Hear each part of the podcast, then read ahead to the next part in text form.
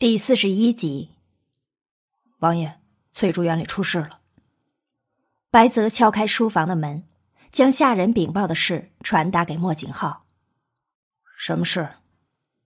表小姐和娄小姐闹起来了，然后一群人和一只狗打起来了，好几个人被咬伤。狗？王府里什么时候养了狗？白泽沉默片刻后摇头。他也纳闷儿，莫景浩无奈，只能移驾翠竹园。当看到混乱的现场时，他只觉得头疼。白泽，是。话音刚落，轻影掠过，晃进混乱的人群中，轻而易举就扣住了狂化大白狗的脑袋。小白，娄玄影早在白泽现身时就注意到了，刚想将小白喊回来。可惜速度远不及他的轻功快，他跑上前，不客气的朝白泽踢去几脚。如此花拳绣腿，对武功上乘的白泽来说根本不算什么。他往旁一侧身，轻松就躲避开来。然而，娄玄影的目的不是跟他打，在他闪躲的那刻，一包红色粉末尽数朝他倒去，又是辣椒粉。有了上次的教训。白泽忙闭气，连连后退，也松开了对大白狗的钳制。小白呜了声，扑到娄玄影的身上去。My God！娄玄影几乎被他撞出内伤，拖着沉重的小白后退了好几步，幸好稳住步伐，才没跌到地上。看着颤抖的大白狗，他无力的抚额。刚才还凶猛的与众侍卫大战数回合。高手一现身就吓成了狗熊样，小白也太欺善怕恶了。莫景浩出现，翠竹园前的人反应各异，侍卫全都吓得跪下。王王爷，秦玉莹先是惊喜，而后表现出一副受气的小媳妇模样，拿着手绢不停的抹眼泪。娄玄影。看来本王上次跟你说过的话，你完全忘记了。莫景浩脸若寒冰，瞪向娄玄影的眼里也未带任何温度。娄玄影被他的眼神冰冻到了，差点答不上话，将笨重的小白丢到地上，脑袋微偏，想了半天才想起他上次说过的话，呵呵笑道：“ 景王爷，我怎么会忘记呢？”你说若我再惹事，后果自负吗？可我没有啊。很好，本王倒想听听看，你怎么解释这里发生的事。我没惹事，事情自己惹上门的呀。这里是醉竹园，我很乖，待在这里。可你那娇滴滴的表妹莫名其妙找上门来，不仅给我扣罪名，还让你的侍卫欺负我。难道？我就该任人欺负吗，景王爷？换做是你，我就不信你不反击。表哥，你别听他胡说，我真的看到有男人跑进他这翠竹园来，而且他还擅自在府里养狗。我刚来就被那狗欺负，他还咬伤了小童。秦玉莹哭着跑过来，委屈的扯着莫景浩的衣袖诉苦：“切，自私鬼！”不知道的人还以为你对丫鬟多好，刚才明明是你拉着她去当小白的。娄玄影鄙夷的看着秦玉莹，那丫鬟跟错了主子，遇到危险绝对会成为替死鬼。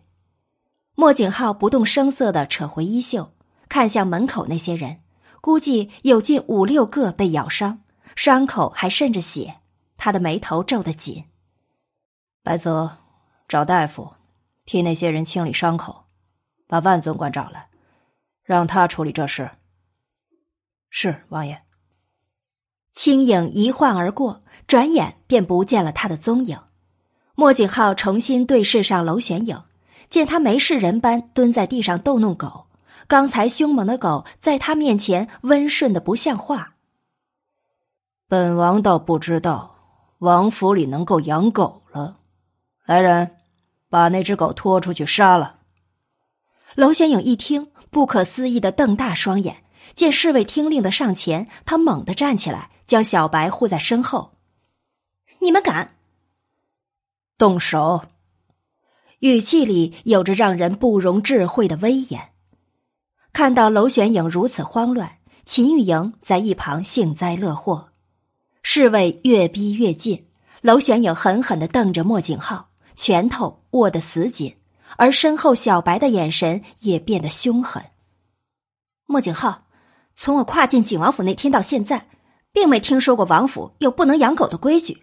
我不觉得自己有错，小白他忠心护主，难道就有错？难道你景王爷就是如此蛮不讲理的人？娄玄影，你好大的胆子，竟然敢说表哥蛮不讲理！娄玄影瞥了秦玉莹一眼，压根儿不想跟他说话，瞪回莫景浩，眼里聚满怒火。他最好别惹到他失控。你要跟本王讲理。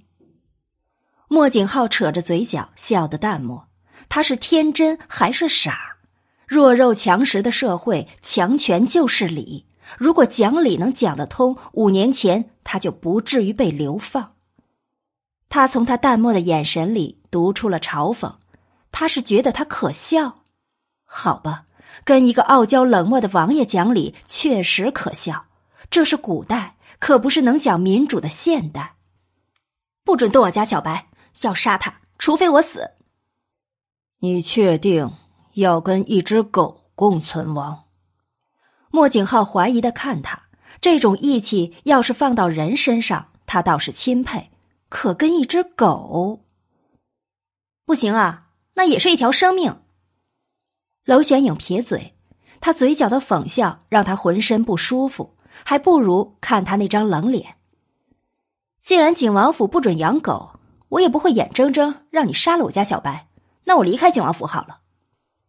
惹怒他，他也绝对占不到便宜，还不如退而求其次。他根本不屑待在景王府，做梦都想离开呢。惹不起他，他走总行了吧？说完，他蹲下身子，抱起小白，在众人诧异的目光中往翠竹园走。收拾完包袱，我就带小白走。小姐，你不要田儿了。田儿在一旁听后很着急。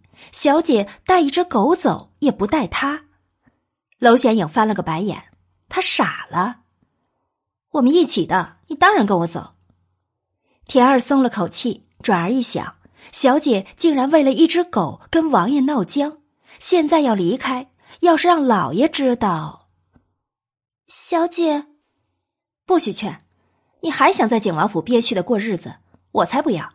放心，就算离开相府，离开景王府，我也能养活你。娄玄影好不容易腾出一只手，轻拍田儿的肩膀，很轻松的安慰：“银子神马的，画一画就能成真。他走到哪里都能活，干嘛要在这里受气？看那冷面王爷的脸色。”小姐，你不会是连相府都不回吧？哼！先玩一阵嘛，爹要我这个女儿，我再考虑回去。娄显影抱着小白要回屋，可院门口挡着太多人，见他过来也没见让路。终于，他的眉头皱了起来：“麻烦让个路。”娄显影，你当景王府是你说来就来说走就走的地方，还是你当圣旨是儿戏？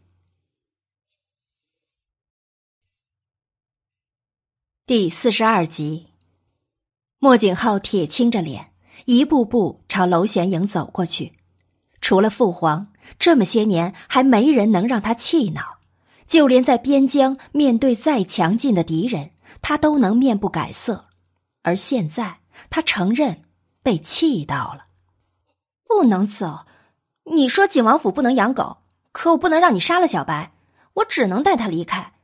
我都退让到这个地步了。你还想怎样？你别欺人太甚。娄玄影回头，甚为不满的瞪着他。退让，莫景浩被气笑了。他那恨不得马上离开景王府的样子叫退让。看来他果然也非常不满父皇的安排，而他一样不满。他能主动离开，对他而言是好事，只不过不是现在。他一走。所有的烂摊子就得他收。父皇那儿他无法交代，众皇子也会趁此机会打压他。他倒不是害怕，只是很麻烦。抗旨杀头的罪，你能担？他逆眼看他，将问题抛还给他。娄显影傻眼，愣了愣，不太确定的问：“难道我这辈子都要被那圣旨束缚住，留在景王府？”你说呢？他不答反问，毫不意外的在他眼里看到哀怨与厌恶。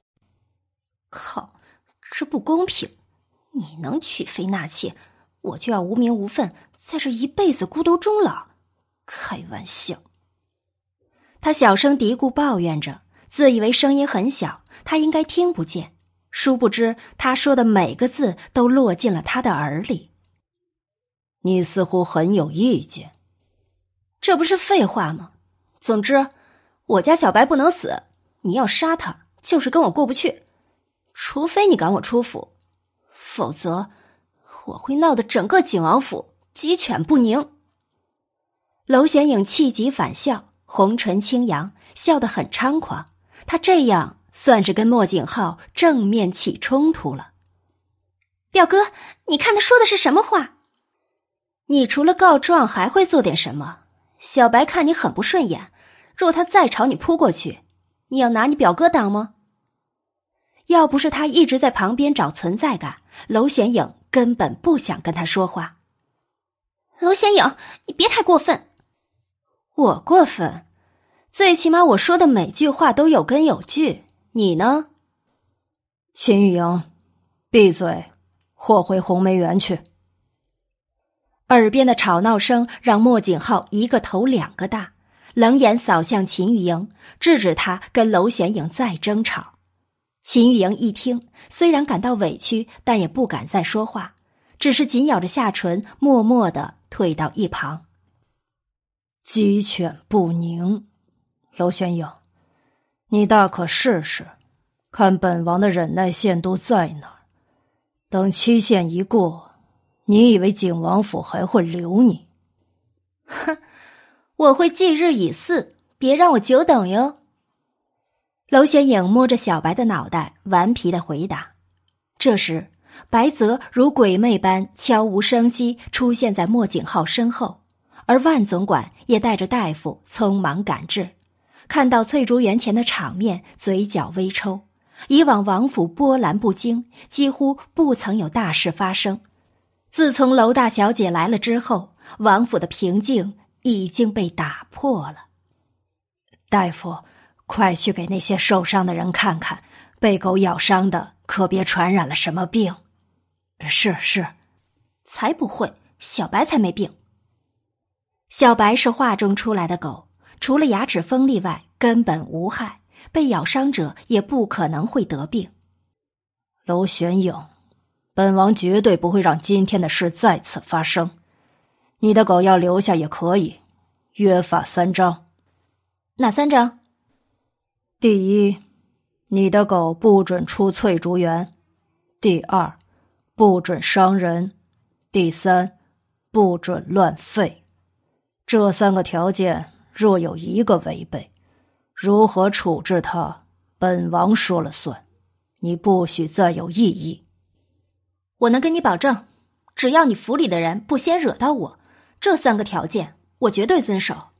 可要是你的人都欺压到我头上了，还不许我反抗，那请恕我做不到。好，莫景浩点头答应，两人的交易算是达成。之后，他转头看向秦玉莹，警告道：“秦玉莹，若你还想住在景王府，以后就不要到翠竹园来。”表哥，可是他，你是现在就想被送走？秦玉莹听后马上噤声，好不容易能说动爹爹让他来景王府住一段时日，他才不想离开。娄玄影乏了，表哥表妹的戏码他懒得看，冲着他们嘿嘿一笑：“哼，表妹喜欢表哥呢，不过近亲生出来的小孩会畸形哦。”留下这些话，他朝莫景浩和秦玉莹扮了个鬼脸，抱着小白招呼了田儿，就往翠竹园走，当着众人的面将一切喧嚣关在门外。小姐，王爷和那表小姐的脸都绿了。管他的，本姑娘高兴就好了。娄玄影将小白放下，摆摆手，不介意的回答。小白摇着尾巴，屁颠屁颠的跟在他的身后走。田儿对他还是很惊惧，特别是刚才看到他以一狗之力大战王府众多勇猛侍卫，取得完胜之后，更害怕了。娄玄也回房拿了药箱，朝小白一招手，就见他温顺的趴在他的脚边。他小心翼翼的替小白清理了细微的伤口，擦了药后，小白转头便要舔伤口，被他喝止住。于是，田儿惊奇的看到小白竟似听得懂人话般伸回脑袋，委屈的盯着小姐看。乖。娄玄英满意的摸了摸小白的脑袋，将药箱收拾好。小姐，他好听你的话，当然，也不看看是谁赋予他生命的。娄玄影安分了两天，手又痒了。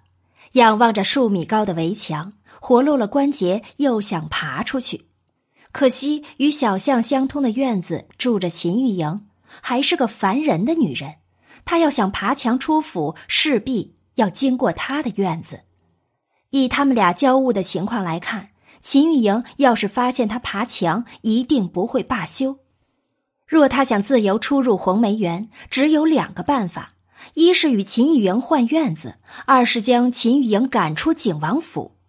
似乎不论哪种办法实施起来都很困难。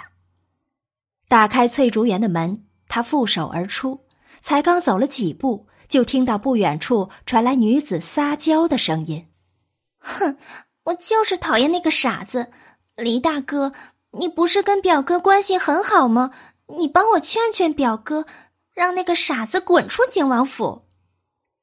听声音似乎是秦玉莹的，他口中那个傻子不会恰好就是他吧？玉莹，既然他是傻子，你何必跟他计较？景大哥哪是能听得了我劝的？更何况这是皇上的圣旨，景大哥违抗不了。黎生嘴角也溢着苦笑，无奈的劝解。表哥竟然因为他来凶我，若他真是傻子也就算了，可他……总之我不管，我不想见到那个傻子。秦玉莹撒泼着，边跺脚边往前走，黎生只能紧跟其后。两人迎头碰上娄玄影，而他正摸着下巴，脸上的表情耐人寻味。有人张口闭口骂我是傻子，本来不打算现身的。可我不想无辜被骂。第四十三集，你看到突然冒出来的娄玄影，秦玉莹和黎生同时惊诧的瞪大了眼。秦玉莹的惊诧很快变为愤怒，张口刚要开骂，就被娄玄影接下来的话给制止了。你骂吧，事情不是我挑起的。接下来会演变成什么，我可就不清楚了。我家小白两天没人陪他玩了。我记得你表哥说过，你再找我麻烦，可就要把你送走了。娄玄影很善意的提醒他，说完后，他的双眼突然发亮。也许他可以激怒秦玉莹，进而将他逼走。貌似有些猥琐，不过只要方法有效，甭管他卑不卑鄙。娄玄影，你别太过分！什么？你是娄玄影？你不是？娄玄影笑了，他眼不拙吗？毕竟那天在皇城上，他们起了正面冲突。要是眼下他还认不出他来，他都要为他感到汗颜了。他替他接下话：“你不就是那个连匹马都控制不住的没用鬼？做错事死不承认的渣？”他的话无疑验证了他心中的猜想，也成功点燃了黎生的怒火。你说谁没用？谁做错事不承认？谁硬话我就说谁呗，难不成还要加个听不懂人话？娄显影吹了声口哨，完全不在意对面两人一身的怒火，点火的始作俑者一点愧疚感都没有。你，黎生几步上前，扬起拳头，差点朝娄显影揍过去。娄显影却连眼睛都没眨一下，笑意也不变。在他凑过来时，很善意的提醒：“在自己喜欢的女人面前动手打女人，真的好吗？”黎生一愣，握在空中的拳头也僵住。可怜呀，喜欢的女人却喜欢自己敬仰的人，你的心在滴血吧？他看着黎生，以悲天悯人的语气惋惜的道：“黎生的脸涨成猪肝色，也不知是心事被说中窘迫的，还是被气到的。总之，拳头确实没敢往娄玄影身上砸下去。”黎少爷，王爷找你。突然，鬼魅般的白色人影出现在他们面前，白泽暗沉的声音也响起：“白泽，景大哥找我。”黎生瞪了眼嬉笑中的娄玄影一眼，收回手，转而看向面前的人：“你叫白泽，上古神兽的名呢？我们又见面了，送你的辣椒粉喜欢吗？”娄玄影朝一脸严肃的白泽扮了个鬼脸白泽仅瞟了他一眼，什么话都没回答。但要仔细看，会发现在他说完那句话时，他的嘴角微抽动了下。第一次上了他的当，辣椒粉辣得他根本睁不开眼，不仅让他溜了，还让他在王爷面前流了一天的泪。那事也遭暗夜鄙视了很久。若他是男儿身也就罢了。可竟然是女人，他让一个女人戏弄了两次。有什么样的主子，就有什么样的手下，一样面瘫无趣。他哼了一声，碎碎念：“你居然敢骂表哥！”秦玉莹听出他话里的讽刺，气得指着他再次训斥。娄玄影脸一横，一副你不爽去告状的表情看他。李少爷，王爷说了，让你马上过去。白泽再次出声提醒，纵使只有几次接触，他也大概知道娄玄影的性子，属于气死人不偿命的。跟他斗嘴只会被绕进去，最好的办法是远离他。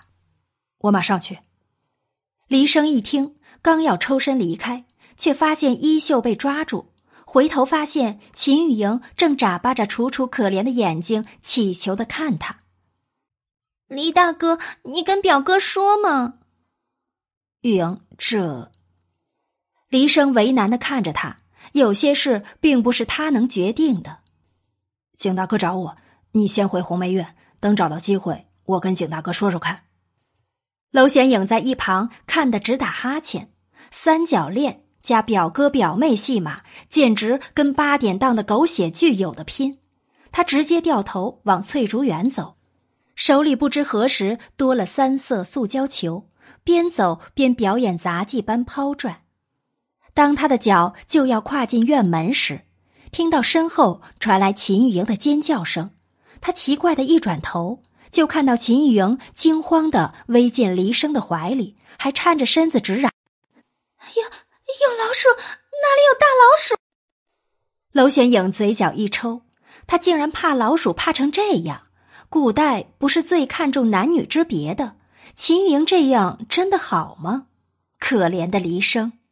不过他怕老鼠。娄玄影眼前突然一亮，高兴的蹦进院子里。他已经想到好的对策了，很快又可以自由出入王府了。秦玉莹，你就等着离开红梅院吧。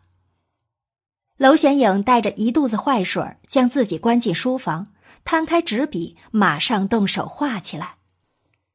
一炷香时间过去了，两炷香，地上已经丢了厚厚一叠废纸。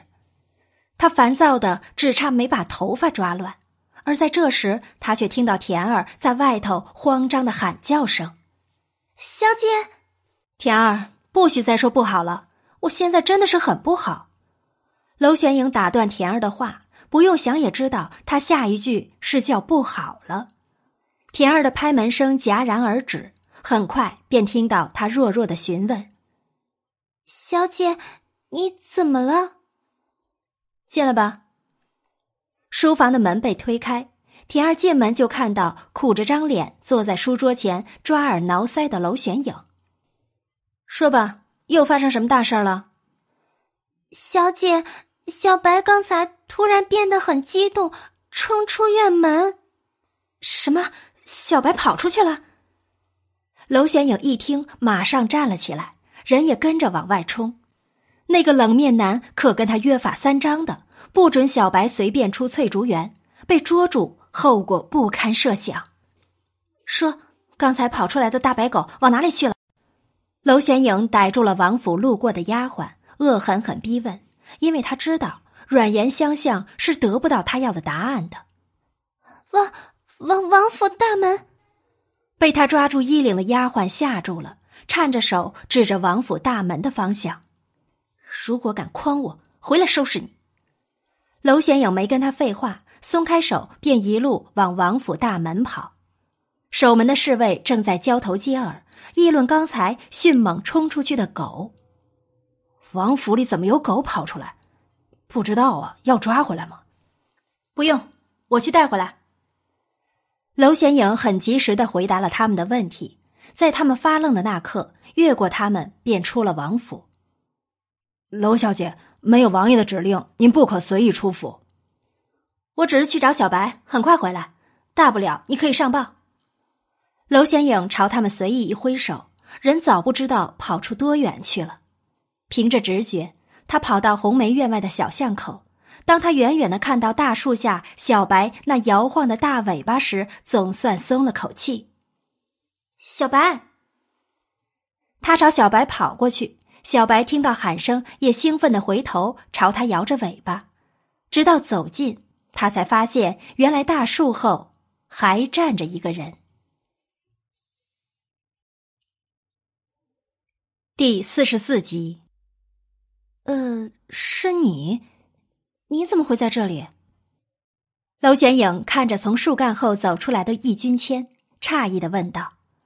易君谦笑了，微弯了弯腰，摸着小白的脑袋，轻声回答：“刚才经过景王府，他从里边冲出来，我猜到他应该是你养的，想着你很快会找出来。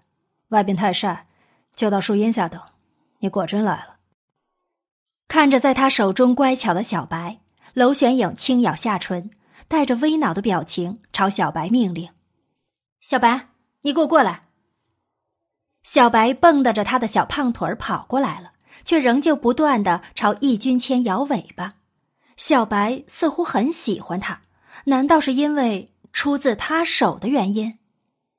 易君谦慵懒的靠在树上，他的笑让他感到毛骨悚然，仿佛秘密被窥探了般。他长得跟我上次画给你的大白狗很像。娄玄影表情未变，然而心里却早就波涛汹涌了。什么好像，而是根本一样，好吧？他并不想让他发现小白的存在，可万万没想到，小白这只笨狗竟然会主动亲近他。他并不像容易愚弄的人，他也懒得找复杂的理由搪塞，干脆打马虎眼。你跟我家小白心有灵犀，竟然画的跟他那么像，所以那时我才那么激动。我给你的画呢？你要拿回去？他警惕的看他，笑话，他才不想把小白收进画中还他。送给别人的东西怎么能要回去？哼！易君谦看他紧张的模样，顿时喷笑出声。他的可爱程度不亚于他身旁那只大白狗。既然送你了，就不会要回来，只是想确认他们有多像。娄玄影暗暗松了口气，也不清楚他究竟猜到多少事。他不问，他也绝不会说；就算问了，也坚决不说。他心一横，本想岔开话题，但突然想到自己的计划，眼前就有一个大画师在呀。于是他的眼咕噜噜的转了起来，眼冒金光。激动的看着易君谦，谄媚道：“易大哥，君谦大哥，要不你再帮我画几张呗？”易君谦一挑眉，还真是多变的女人。他双眼再次瞟向那不停甩尾巴的大白狗，眼神变得深邃起来。你想画什么？你答应了。他惊喜中带着怀疑，不是说他不轻易帮人画画吗？千金都难买他一幅画，他不过随便一开口，他竟然就答应了。上次不是跟你说过，若想要画，到凤翔酒楼找我吗？更何况，你连叫了两声大哥，若我还是不答应，岂不是太不近人情了？玄影妹妹，他语带暧昧的反问：“他这是被反调戏了吧？”娄玄影的嘴角微抽，为了画儿，他就不跟他计较了，反正也没少块肉。嗨，你可是答应了，找个地方帮我画一张呗。不如去凤翔酒楼，那里东西齐全，我画起来也顺手。好啊，不过我只有半个时辰的时间。我跟人约好了，大画师，半个时辰你绝对画的好。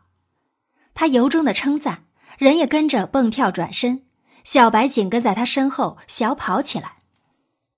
你想要我帮你画什么？帮我画十几只大老鼠。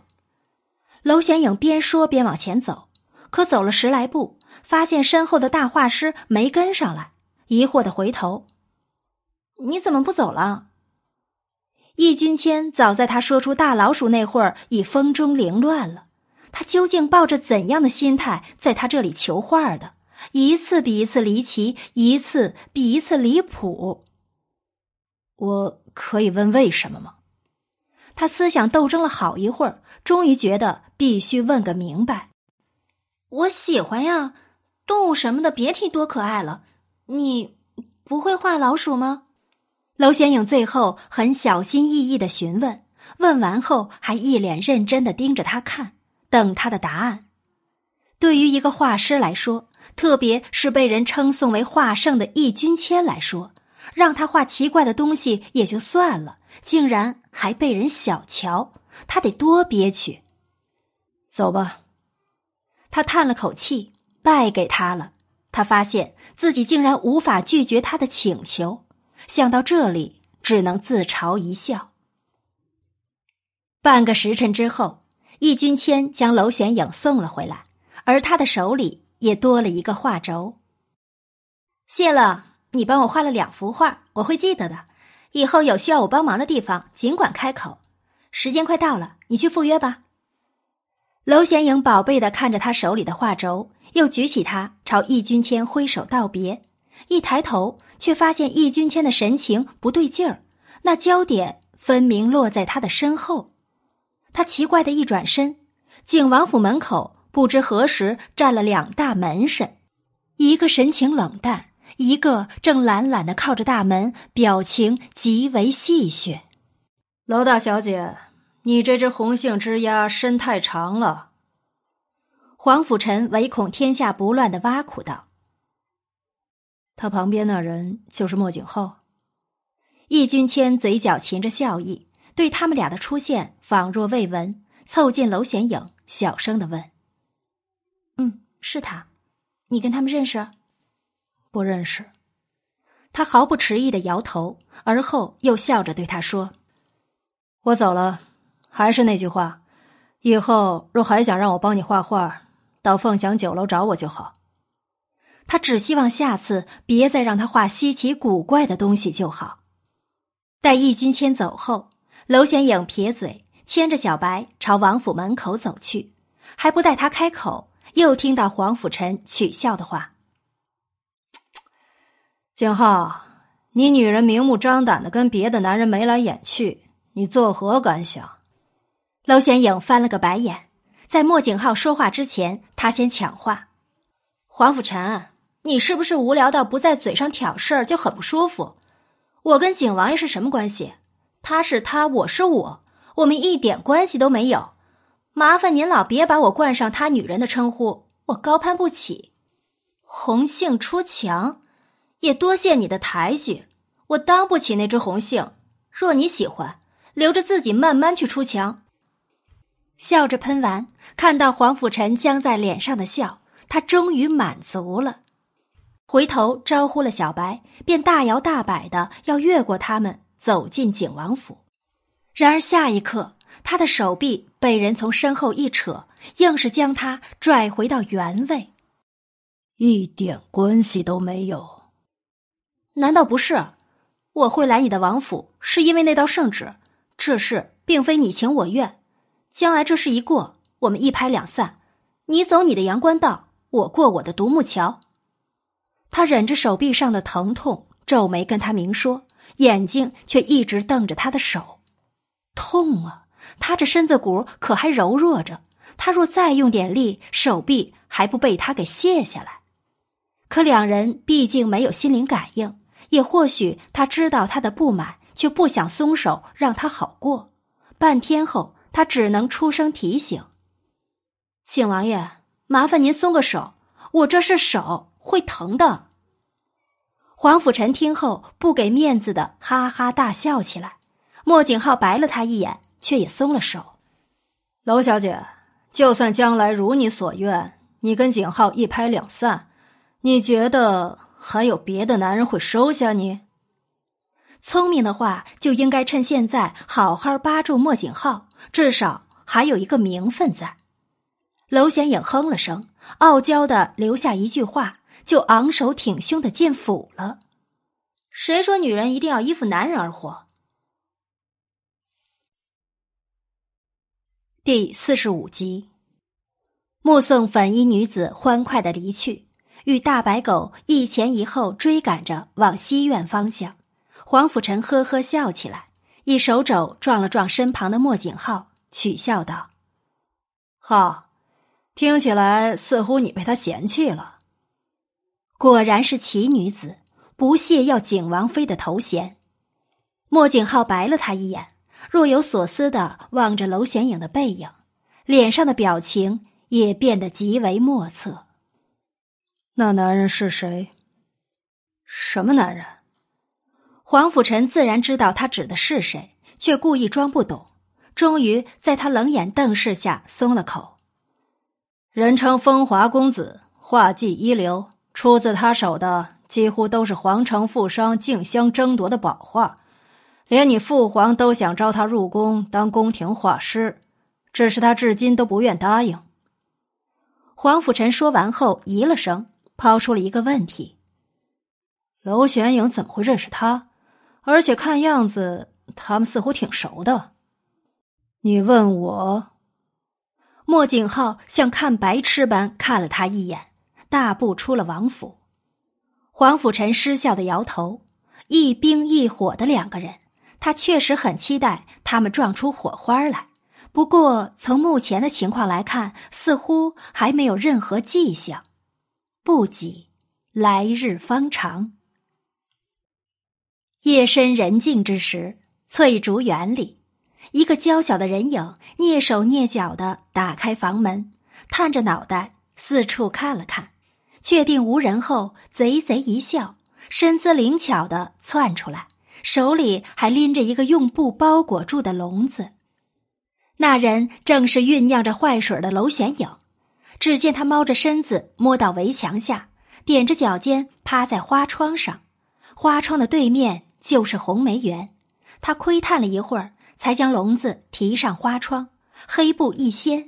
借着月光，可以发现笼子里正挤着十几只巴掌大的黑鼠。嘿，小黑鼠，为了你家主人的自由，出发！娄玄影打开笼子，在他意念的操控下，十几只大黑鼠秩序井然的爬出笼子，顺着花窗爬进了红梅园。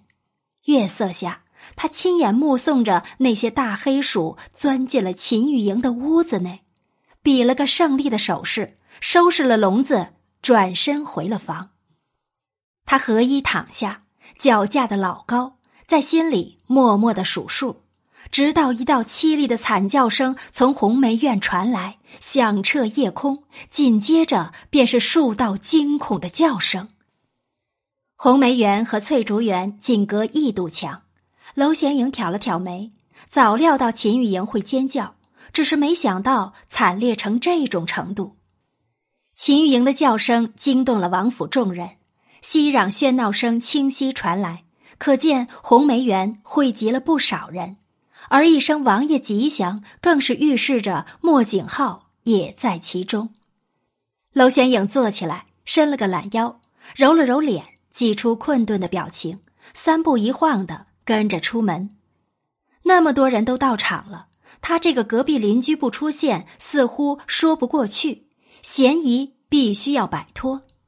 田儿也慌张的跑出偏房，看到娄玄影，立刻靠拢过来，害怕的问。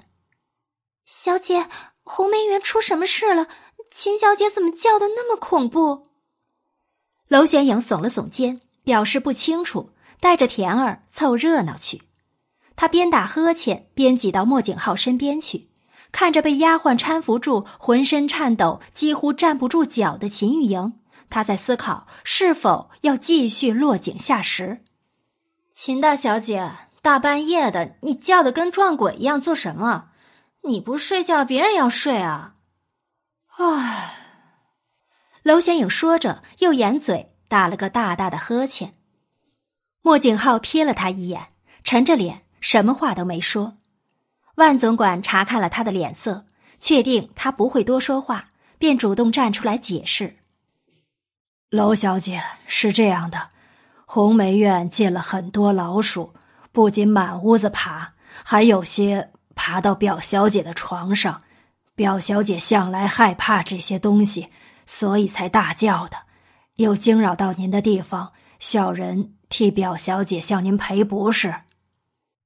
老鼠，怕老鼠怕成那样？娄显影指着惨白着脸的秦玉莹，不可思议的问：“翠竹园也有那么几只老鼠啊？那玩意儿哪会吓人？翻墙打人的事。”你哪样少做？区区几只老鼠，你还会怕？你以为所有的女人都跟你一样？莫景浩不温不火的几句话，对娄显影的刺激很大。面瘫脸竟然会发表意见，要是他理解能力没出错，他是在嘲讽他不像女人。靠，他还不如一直绷着脸别出声。表哥，房里好多老鼠，我我不要住在红梅园，你让我换院子。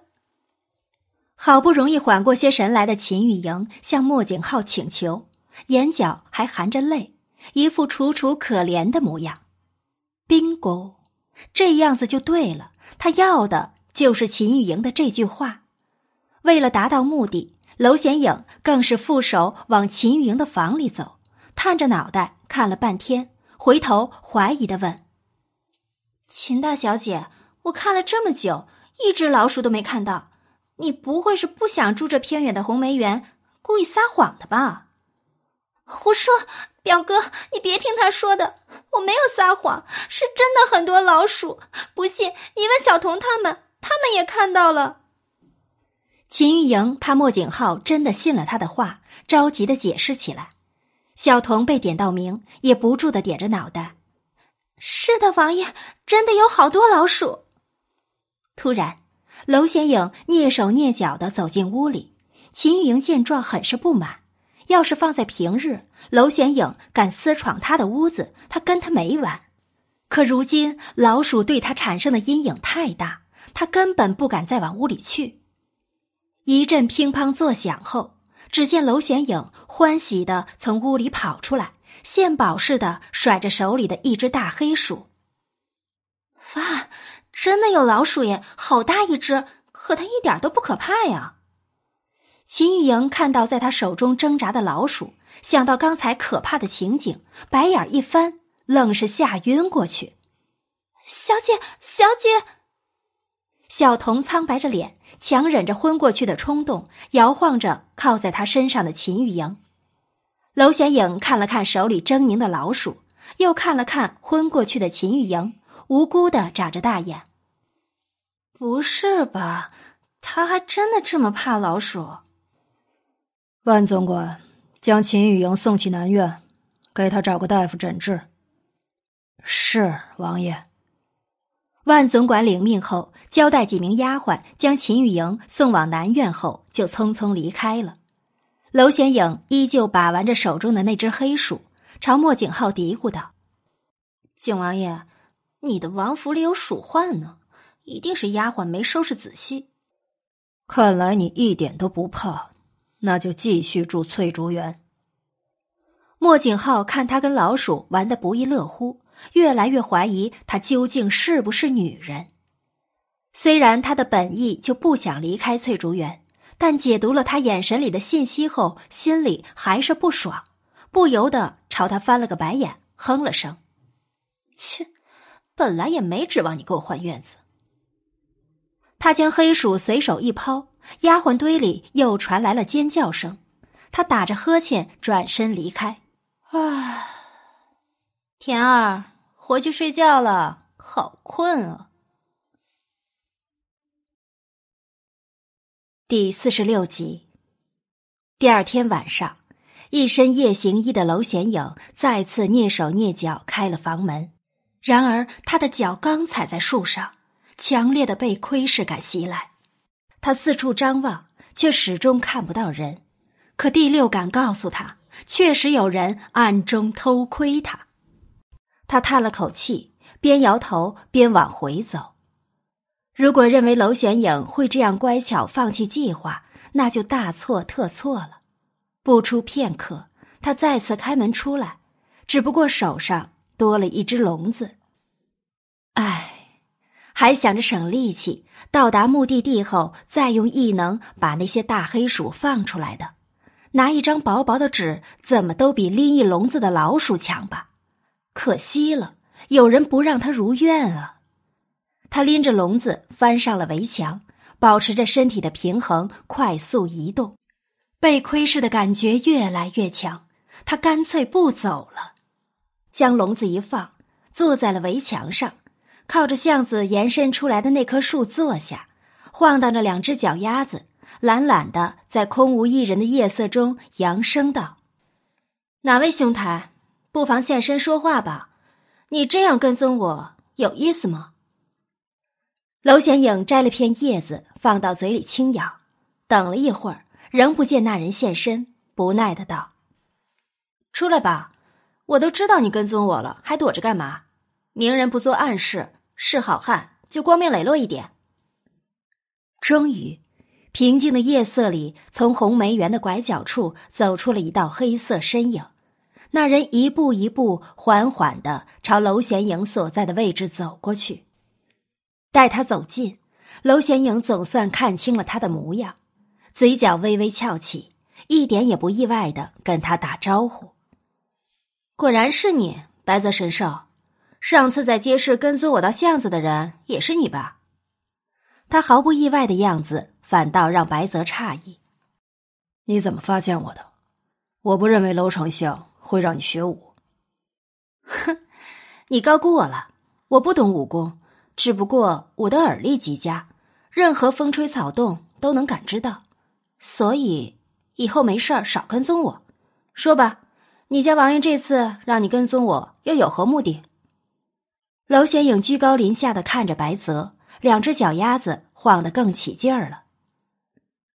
娄小姐，王爷让白泽提醒你，这里不是相府，不是你心血来潮想做啥就能做啥的地方。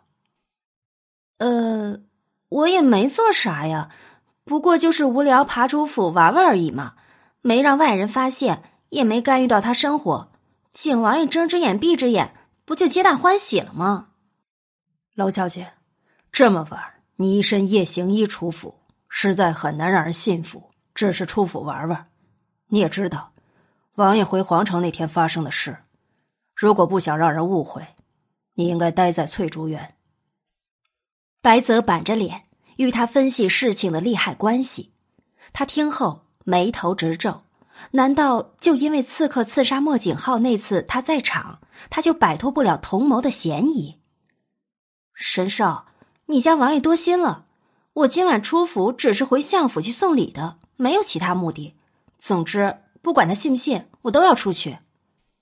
娄玄影拎着笼子的手紧了紧，戳破手指，两次放了血。怎么可以放弃计划？白泽听了他的话，跟着皱眉。娄大小姐回相府需要大半夜偷偷摸摸行动，还一身夜行衣。白泽奉命行事，若发现娄小姐行为有异，必须出手将你带回去。那带吧，既然你不相信，就带我去见你家王爷，我正好亲自去跟他解释。娄玄影说着，拎起笼子向下一跳，整个人就轻松的落了地。白泽更加困惑了，看他娇弱的模样，从那么高的围墙上直接跳下来，竟然毫发无伤。请跟白泽来。两道黑影一前一后前往景轩院，白泽在大院外停住了脚步。娄玄影见状也跟着停下。娄小姐，白泽进去向王爷通报一声，若王爷传唤你进去，白泽再出来带你进去。行了，进去通报吧。娄玄影不甚在意的对他摆手，自己则挑了个石凳坐下。翘着二郎腿的同时，也把玩起手中的笼子。等了约摸一炷香的时间，就在他耐性快被磨光之时，总算看到白泽再次现身。而让他诧异的是，他的身后竟然还跟着一道白色身影。景王爷竟然亲自出来，他是不想让他跨进他的院子，以至于宁愿走一趟。景王爷。还以为您老不愿意见我呢。娄玄影凉凉的说着，见他大驾，也没有起身相迎的意思。莫景浩走至他跟前站定，冷眼居高临下的看着他，直看得他心底发毛时，才开口：“你三更半夜要去相府？”“没错。”“所谓何事？”“哼，自己看。”他说着。将石桌上的笼子推到他跟前，下巴努了努，示意他自己看。白泽立刻上前，将笼子外的黑布掀起。当看到笼子里的东西时，他真真有些惊讶。黑鼠一接触到光线，马上窜动起来。十几只黑鼠在略显拥挤的笼子里互相推挤着，还发出吱吱的声响。莫景浩的眉毛机不可微的挑动了下。缓缓吐出两个字：“解释。”听说二皇子和我三妹快要成婚了，这是我的礼物，送给姨娘和三妹。从你表妹的表现来看，我觉得我姨娘和三妹也应该会很喜欢的。娄玄影奸猾一笑，拿着树叶挑逗笼子里的黑鼠。景王爷，我回相府送个礼，你不至于不肯让我出去吧？我保证。绝对不会乱来，要不然你帮我去送，亦或者你让白泽跟着我去。他都这样妥协了，要是莫景浩还是不答应，他就跟他急。这些东西从哪里来的？红梅园捉来的呀。娄玄也回答的理所当然，说起谎话来脸不红气不喘。莫景浩冷笑一声，一脸不信任的看着他。看来你是不会主动招认的。既然你要装傻，本王就直接把话挑明：红梅园的老鼠，你从哪里弄来的？娄显影一摊手，直接否认：“景王爷，我想你问错人了，你应该去问你的表妹。我只是把出现在他院子里的老鼠捉回来，资源利用而已。至于他们怎么会跑到红梅园，很抱歉。”这个问题我也不知道答案。昨晚本王就让人去捉这些黑鼠，可侍卫找了大半夜，却一只都没捉到。你可是当着众人的面离开的，本王倒是很好奇。不过一天时间，你怎么将这些消失匿迹的黑鼠捉到笼子里的？他皮笑肉不笑的看着他，直接嘲讽：“哼。”这只能说明一件事：你王府里养的那些侍卫都是废物。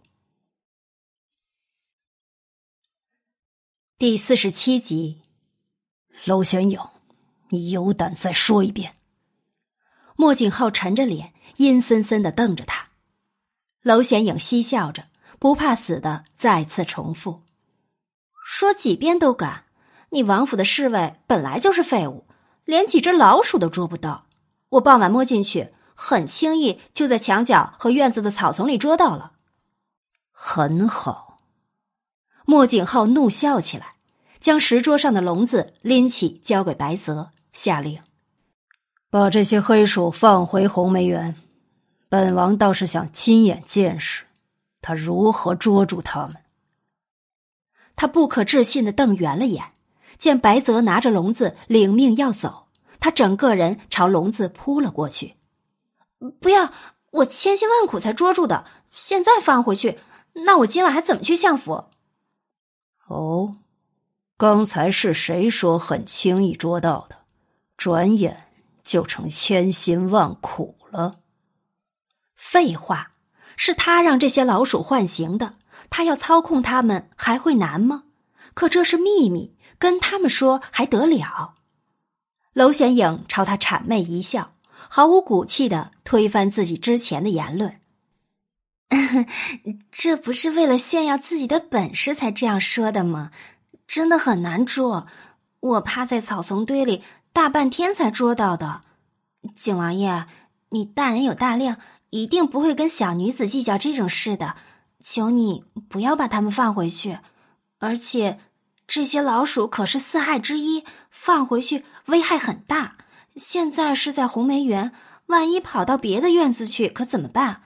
我现在把他们都捉住了，不是做了件好事吗？他的嘴皮子溜着，谎话信手拈来，根本不用多做思考。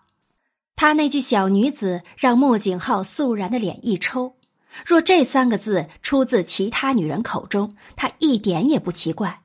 可到了眼前这个粗鲁到不像女人的嘴里，竟让他有种生寒的感觉。景王爷。拜托，天快亮了，我把大礼送过去，马上回来，绝不做其他坏事。你也完全不必担心我受谁指使会来谋害你。再说了，我也没那个能耐啊。如果你不信任我，可以让神兽跟着我。神兽，就是那只。娄玄影说着，往白泽身上一指，很肯定的告诉莫景浩：“神兽是何物？”白泽被点名。顿时凌乱了，他偏开视线，努力当做自己什么都没听见。白泽，把笼子还给他。他并不是非要逼他当面再捉一次黑鼠，而是他态度过于顽劣。他不过是让他知道什么叫服软。哇，大好人呐！娄显影听了他的话，不等白泽动作，先一步从他手里抢回了笼子，左顾右盼。拎着笼子，朝着墙边的那棵树高高兴兴的跑过去。只见他将笼子先挂在树枝上，搓了搓双手，攀着树就要往上爬。这让在场的莫景浩和白泽同时怔住。你确定还是选择爬墙？莫景浩头大的捏了捏眉心，实在不能理解他的脑袋架构是怎样的，放着大门不走。宁愿选择爬墙。这么晚了，大门不是早关了吗？不爬墙怎么出去？而且我刚才查看了下，从这儿翻墙过去，再走一段距离，应该就能出府了。娄显影翻了个白眼，他又不是吃饱了撑着，爬墙不用费力啊。他以为他喜欢爬墙。莫景浩睨了他一眼，终于被他打败了。白泽。让侍卫把门打开。是王爷。白泽没想到王爷竟然会破例开王府大门让他走，也许王爷自己都没发现，他对娄小姐退让了好多次。这下轮到娄玄影错愕了，他的一只脚已经挂在了树上，正思考着是继续往上爬还是放下来。你开门是让我出去？不然呢？还不走？莫景浩说着，率先往外走。他愣愣的眨着眼，直到他走出很远，才反应过来，拎着笼子屁颠颠的追上去。景王爷，你也要出门？夜色不错，本王顺道出去走走。他抿着嘴，负手前行。看了一天的兵书，一来他确实想走走。二来他承认他确实挑起了他的兴趣，他很想知道这样奇葩的女子究竟在做什么。切，什么走走，明明是不信任我，要亲自去监督。娄玄影小声嘀咕了句，只是他心够大，加上坦荡，嘀咕完便也没事了，挤在他前头冲出王府。娄玄影不走正道，挑了皇城小巷子钻绕，莫景浩也不干扰他的路线，只是不紧不慢的跟在他身后，和他保持了一大段距离。到了相府。他极为娴熟的攀上了围墙，翻身进了府。莫景浩见状，眉毛一挑，和白泽一前一后施展轻功，飞上了树顶。王爷，娄大小姐给娄三小姐放老鼠，真的没关系？这是他们的事。白泽很想问一句：既然是他们的事，王爷您这么积极跟过来做什么？只是。他有这个心，没这个胆。娄玄影跳进了雅善居，蹑手蹑脚沿着墙匍匐前进，趴在门槛下，将笼子里的大黑鼠放了出来，而后又爬着柱子倒挂翻上了屋顶，盘腿坐着等结果。很快，房里传来动静，娄玄影勾唇一笑，揭开一片瓦，整个人趴着查看。他瞪着大眼。在暗黑的房里看了一会儿，才适应。伴随着一只黑鼠从床里被掷出，和昨晚一样撕心裂肺的惨叫声也响了起来。娄玄雅整个人从床上跳了起来，然后尖叫着就冲出房门。他的尖叫声把巡逻的侍卫引了过来，看着衣衫不整还大喊大叫的娄玄雅，他们的视线不知该放哪里。三小姐。发生什么事了？房里，房里好多奇怪的东西爬到我床上。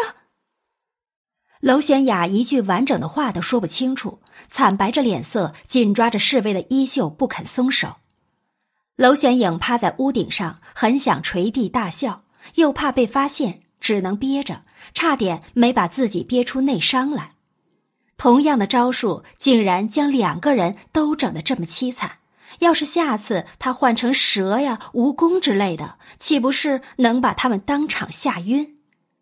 一名侍卫前去禀报，娄承德和柳姨娘等人很快赶了过来，问明了情况，指派了侍卫进屋查看。娄玄影怕被察觉，慢慢挪着离开，整到娄玄雅就够了，可不能被发现，否则他吃不完兜着走。挪了半天。总算挪到围墙边，只要跨过一米外的那棵树，他就可以溜出相府了。可惜树上立着两尊大神，只负责冷眼观看，完全忽略他使的眼色。拜托，雅善居里都是拿着剑的侍卫，个个武功高强，他都不敢保证跨过去会不会被他们发现，更何况树上还有两个人挡着。让开！我要过去，他挥着手，以唇语示意他们离开。莫景浩冷眼盯着他瞧，压低声音提醒：“你现在过来，必定会被发现。可惜不用等他跨过去，相府就有人察觉到他们这边的动静。老爷，那边屋顶上有个人。”第四十八集。妈呀！被发现了！娄玄影低叫一声，直接站起来，朝莫景浩和白泽所站的那棵树跳了过去。空间太狭窄，他整个人挂在了莫景浩身上。莫景浩看着粘在身上的女人，眉头紧皱，露出厌恶之色，拎起她的衣领，稍一用力，就想将她扔下去。娄玄影察觉出了他的目的，在他动手之前威胁道。莫景浩，如果我被发现，绝对会将你供出来。堂堂景王爷大半夜不睡觉，跑到这儿来，你不怕丢脸就动手，打死我也不松手。一会儿我们都会被抓个现行。聪明的话，带我一起走。莫景浩深吸一口气，努力抵制自己将他甩出去的冲动，极不情愿的搂上他的腰。嗖的一声，一白一黑两道人影消失在夜空中。相府侍卫追过来，连他们的身影都没看清楚，就不见了他们的踪影。速度太快，只觉得夜风在耳边呼呼刮过。娄玄影有种下坠的感觉，他闭着眼，更加搂紧微近莫景浩。等一切终于停下，冰冷的声音也从头顶上传来：“下来。”可莫景浩几乎没给他行动的时间，字音落下的同时，也不客气的将他整个人甩到地上。骑马从一米高的地上跌落，屁股着地，他痛得咒骂一声，半趴在地上揉着摔疼的屁股。靠！谁稀罕挂在你身上啊？你说一声，我自己会下来。什么人啊？摔下来不会疼啊？娄玄影抬眼看了看周围，发现他们竟然已经回到了景轩院外。他的轻功也太厉害了吧！娄玄影，把你整人的招数收起来。你在景王府的一天，就给本王安分的待在翠竹园，别整天净做些无聊的事。切！嫌我做的事无聊，那堂堂景王爷大半夜不睡觉，跟在我后面跑，躲在树上偷窥，就很有聊了。娄玄影反唇相讥，在他的字典里可没有妥协两个字。莫景浩有些被噎着，回想自己今晚做的事，确实有够无聊的，不过倒是有点收获。笼子的黑鼠绝对有问题。从被他放进屋子里后，竟然不是在房里找食物吃，而是直接爬上娄玄雅的床。在娄玄雅冲出房门后，那些黑鼠也跟着有序的爬出来，钻进草丛中。在此期间，娄玄影只是趴在屋顶上，什么事都没做。他探寻的目光一直落在娄显影身上，他想知道答案，只是他更知道，就算他问了，娄显影。也不会说。娄显影，今晚你所做的事，只是因为嫉恨他抢了你的未婚夫。娄显影站起来，拍了拍身上的灰尘，以看白痴的眼神看他：“哼，你想多了。未婚夫那是什么玩意儿？我只是纯粹去送礼，以报之前被欺压之仇。柳姨娘那儿还没送礼呢。”下次一定补上。他性子这么烈，能被欺负？莫景浩实在很怀疑，但懒得跟他再多说话，转身往景轩院走，同时也甩下一句话：“你可以离开景轩院范围了。”这丫的竟然赶人了！要不是娄玄影还没摸清楚他的真正实力，一定冲进景轩院去撒野。不过，从刚才他那飘渺的轻功来看，他的武功应该深不可测，身边还跟着那么多下属，他还是识趣点，别去惹他。话是这么说，他离开前还是不甘的对着他的背影扮了个鬼脸，又比了个中指，才瘸着屁股一拐一拐的往翠竹园走。莫景浩走了十几步，在进景轩院前顿住了脚步。回头望着夜色里那低着脑袋、浑身散发着怨气的女人，她真的是相府嫡长女。王爷，您觉得娄小姐哪里不对劲吗？白泽在他的脸上看出异样情绪。他和暗夜从小跟着王爷，虽然常常看不透王爷真正的想法，但却敢言比其他人了解王爷。很少有人和事能引起王爷如此注意。据以往经验，王爷露出这样的表情，说明他对某人或某事上了心。以后他有什么举动，及时告知本王。莫景浩留下这句话，就进院子了，留下犹如丈二和尚的白泽在猜想王爷的意思。难道娄小姐会成为第二个让王爷动心的女人？这究竟？是不是好事？凤翔酒楼，静雅的厢房里，一身白衣蓝袍的易君谦，左手执黑子，右手执白子，正在自我对弈，不时的端起手头边的清茶，细细品尝。直到敲门声打断了他的思绪。进来，庄主。侍从打扮的人推门进来，拱手行完礼后，便压低声音向他禀报：“小人经过几日观察，娄小姐除了养了只白狗，并没有养您说的黑鼠。不过，听说景王府和相府前几日老鼠横行。哦，什么鼠？”易君谦听后，终于来了兴趣，端起茶杯，轻拨了拨茶盖，喝了两口。抬头询问：“庄主，您上次特意跟小人强调黑鼠，所以小人也特别留意了它。您稍等，小人捉了一只回来。”侍从说着，又退出房门。不多时，再次敲门进来，手里多了个铁笼子。他将笼子放在地上，掀开黑布，将里头的黑鼠展示给易君谦看。易君谦一看，微眯起了眼。拿过来。是。易君谦拎着笼子，仔细端详了一番，嘴角的笑意越来越深。娄玄影，你果然本事非凡啊！一次可以说是巧合，但这个你又如何解释？为了验证自己心中的猜想，他还特意对画中的老鼠做标记。他是怎样做到的？究竟有怎样非凡的本领？难道预言中的人是他？福田，到钱府一趟，就跟钱大人说，经过思量，我答应他的提议，愿意进宫当画师。庄主，请三思，宫廷画师只是个微不足道的小官，您身份尊贵。我已经决定，不必劝我。去跟钱大人传话吧，一会儿我书写一封信，你把它捎回庄里。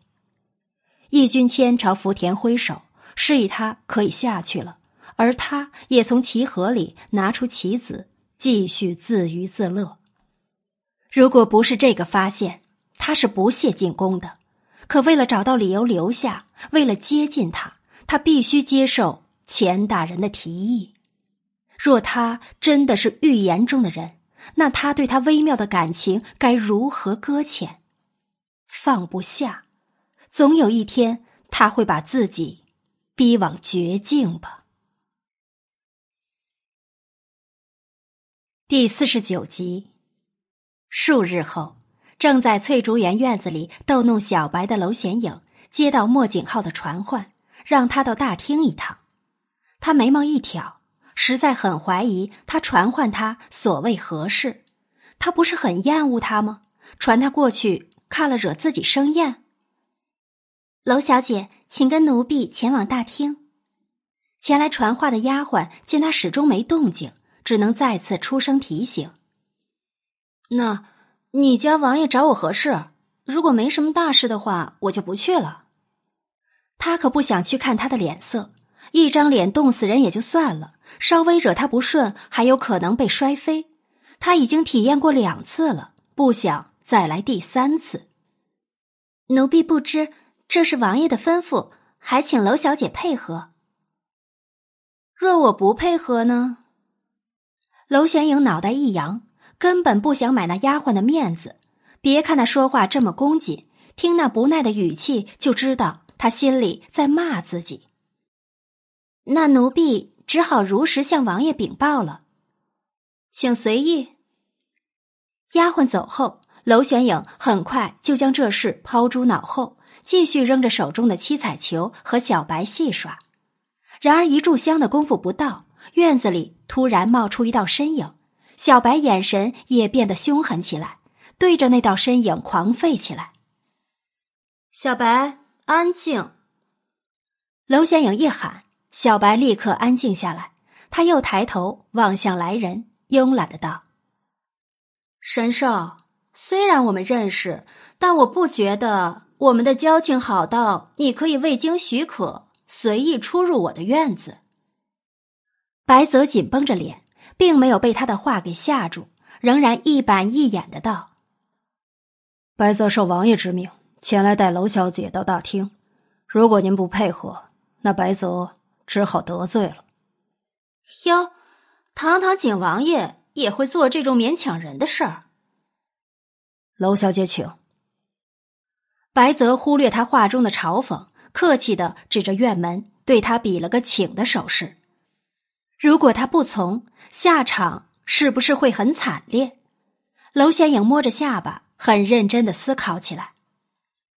算了，走就走吧。说着，他站起来，大摇大摆的往外走。小白见状，摇着尾巴也要跟上。白泽皱眉，提醒道：“娄小姐，王爷一定不会希望大厅里还出现一条狗。”娄显影翻了个白眼，回头摸着小白的脑袋：“小白，在这等我回来，别让闲杂人等进院子。”小白很配合的叫了一声，而后折回石桌前，盘腿坐下，静静的看着娄玄影。最惊讶的莫过于白泽，他居然能和一只狗对话，而那只狗也能听懂他的每句话。白泽跟在娄玄影身后出了院门，恰好碰上田儿端着糕点回来。小姐，你这是要去哪里？景王爷让我到大厅一趟呢。糕点端进屋里，等我回来吃。哦。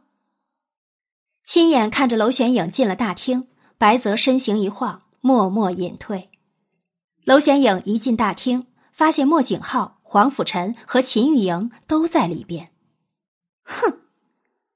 秦玉莹看到他出现，冷哼一声：“切，连老鼠都怕的人，没资格哼我。”你说什么？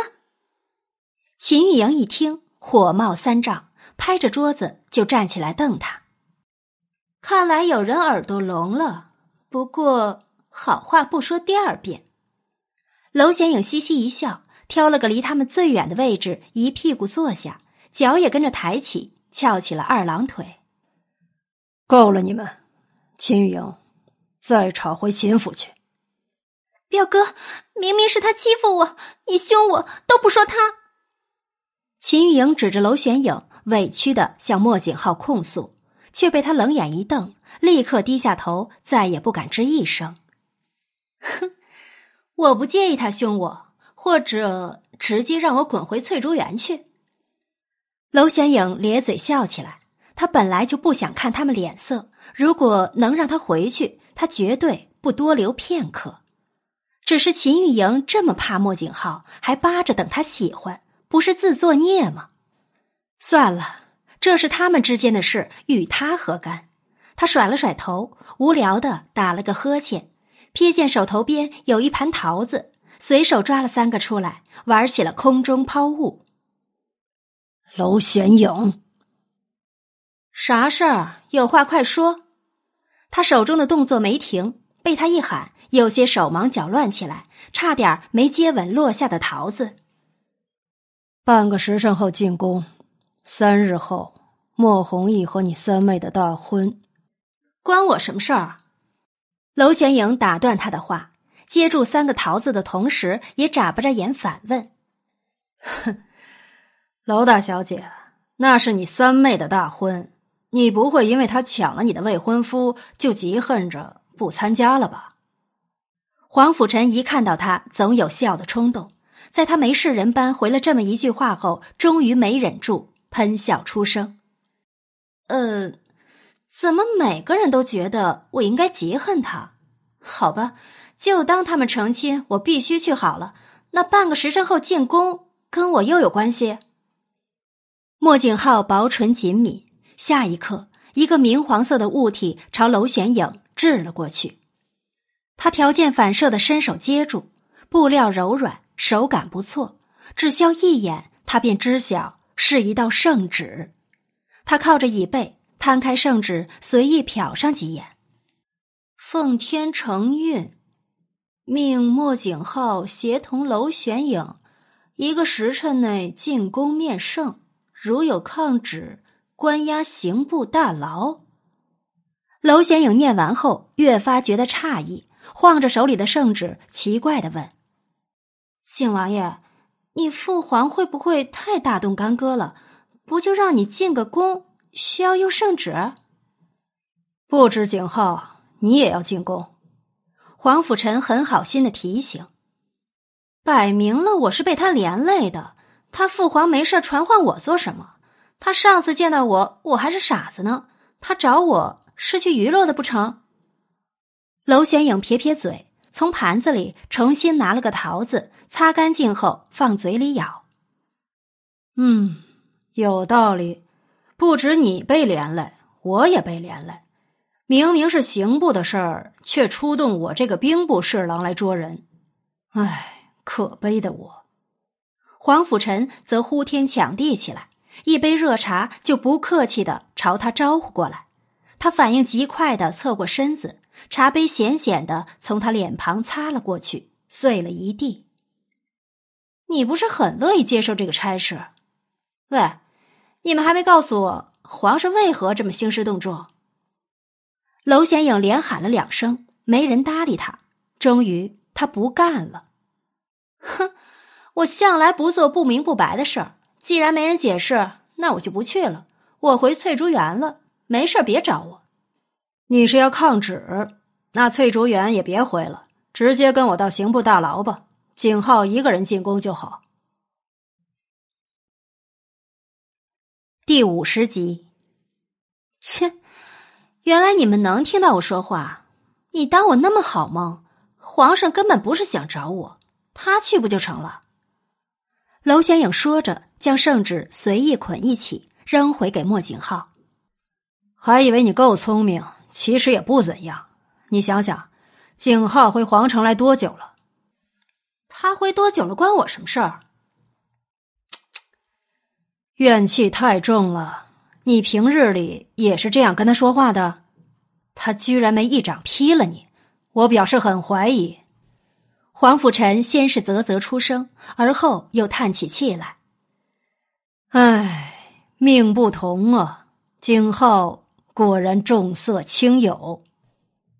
嗯，莫景浩警告的看着他，冰冷的声音刚说出一个字，就见黄甫臣跳了起来。呃，大哥，开玩笑的，别当真。黄甫臣觉得某人太危险了，决定远离他，挤到娄玄影身旁的位置坐下，学着他的样子翘起了腿。娄小姐，难道你没发现？景浩回来已经一个多月了吗？可他一次都没进宫，皇上能不气吗？圣旨现在才下，已经算给他脸面了。哟，真孝顺，回来一个多月不进宫，好样的！娄玄影说着，还朝莫景浩比了个拇指，很快又反问：“那这些也是他们父子的事儿，关我毛事儿？”问得好，确实。这是他们父子的事儿，照理来说也不关我的事儿。喂，黄甫臣，那他为什么不愿进宫？这个嘛，是他们父子的私事儿，我不便多说。你跟他熟了以后，让他告诉你好了。黄甫臣一甩折扇，很悠闲的扇起了扇子。熟？不可能！算了，我也不感兴趣。嘿。我倒是很想知道，如果这次他还是不愿意进宫，你真的会将他抓进刑部大牢？他想到这事儿也来了劲儿，双手托着下巴撑在桌上，看着黄甫臣，等着他的答案。你又遗漏了你自己。如果他不进宫，是你跟他一起入狱。不过，皇上就是算准了他不会为难我，才让我越职。担此重任，你废话再这么多，信不信我直接让人送你离开？莫景浩话一出，黄甫臣只能摸着鼻子噤声，看得一旁的娄显影哈哈大笑。黄甫臣在莫景浩面前，你就一怂样。黄甫臣凑近他，轻声低语：“你是我见过除皇上外。”唯一一个敢挑衅他却还活着的人。不过我在想，只要你看过他在战场上杀敌如切白菜的样子，我想你也不敢再惹他。呃，你唬我吧？你看我像这么无聊的人？娄玄影很认真的打量他，而后肯定的点头。黄甫臣无力的抚额，他竟然给这小丫头片子留下这种印象。他们俩旁若无人的咬耳朵，却没发现莫景浩脸色越来越不耐。终于，他黑着脸站了起来，瞪着娄玄影，冷冰冰道：“进宫。”娄玄影晃着腿，懒懒的回话：“我还在想，为什么我要进宫。”你们俩能不能不要这么麻烦？好不容易景浩愿意进宫，你又给我折腾。我的官职可是掌握在你们手中的，一会儿要是没把你们带进宫，皇上让我滚去边境。娄大小姐，你有我心酸，有我无辜。黄甫臣后悔遇人不淑，说起来就是一部辛酸史。太好了，好什么？景浩是皇上宠爱的皇子。违抗他的命令还能活命？你以为你能？我贬值，你就是丢小命。好吧，小命还是很重要的。还有一个疑问：一会儿进了宫，在皇上面前，我该扮演什么角色？继续装傻？莫景浩以冷眼睨他：“你终于承认之前都在装傻了？有吗？”我上次进宫时，在你父皇面前还傻里傻气的，隔了不过一个月，竟然不傻了，怕你父皇生疑，所以才这样问的。景王爷，你可别误会我的意思哟。他眨巴着大眼，俏皮的否认。虽然他知道莫景浩根本不相信他的话，但说什么也不能主动承认装疯卖傻的事儿。放心，皇上估计会更高兴。他颁布圣旨将你指给景浩时，我在场，是让你来冲喜的。现在好了，不仅景浩的病冲好了，你也正常了，一举两得。黄甫臣总结完，催促着墨迹的两人：“再不进宫，我们仨都要被问罪了。”你着急啥？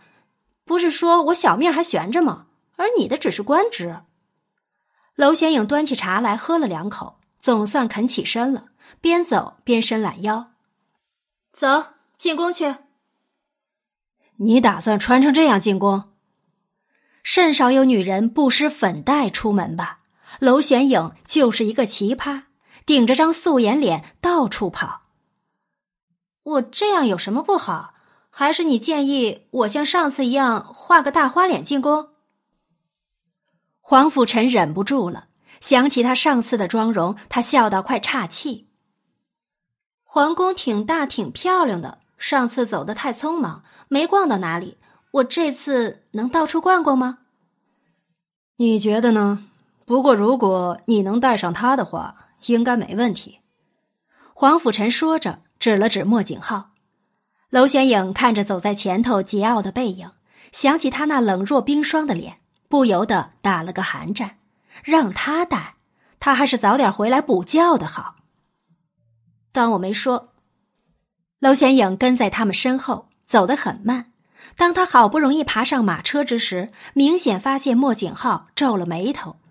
他非但没觉得困窘，还专门挑了个他对面的位子坐下，朝他扮了个鬼脸儿。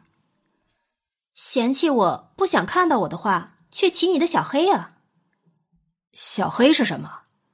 黄甫臣着实佩服这丫头的胆量。敢这样公然惹莫景浩的人已经没几个了，就是他的那匹黑马呀。他叫绝尘，别把本王的马叫的和你的狗一样粗俗。莫景浩说完，闭眼假寐，似乎不想和他一般见识。小黑多贴切，我家小白哪里粗俗了？娄玄影不服气的顶嘴，可却没见他再吱声。很快。他也觉得无趣，便转身趴在车窗上看外边的景致。黄甫臣憋笑憋得很辛苦，那么雄俊难驯的绝尘，居然被娄玄影取了那么一个名字。最让人诧异的是，莫景浩竟然没多大反应。娄玄影的性子很闹，对付他的最好办法就是不搭理他。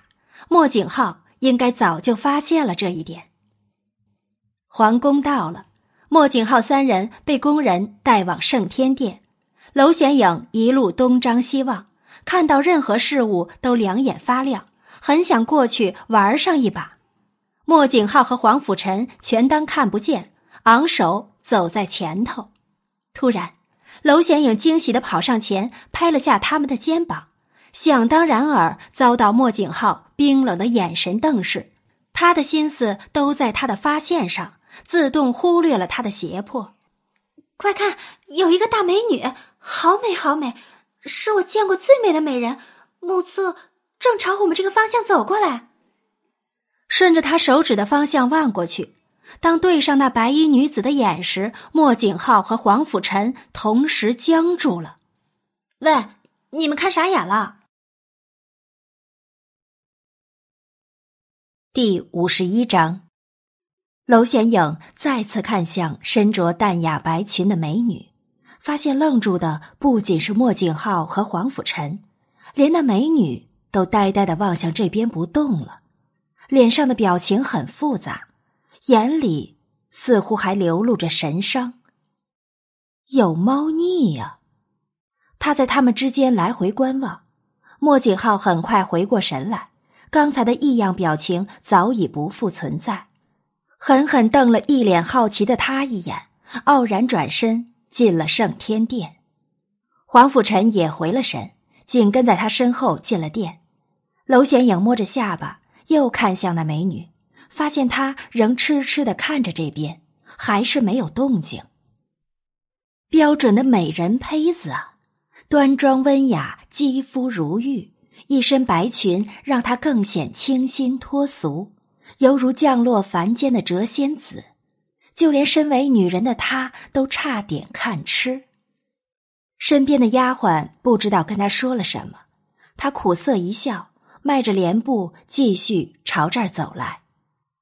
娄玄影轻拍自己的脑袋，强迫自己终止八卦心理，也忙跟着进殿。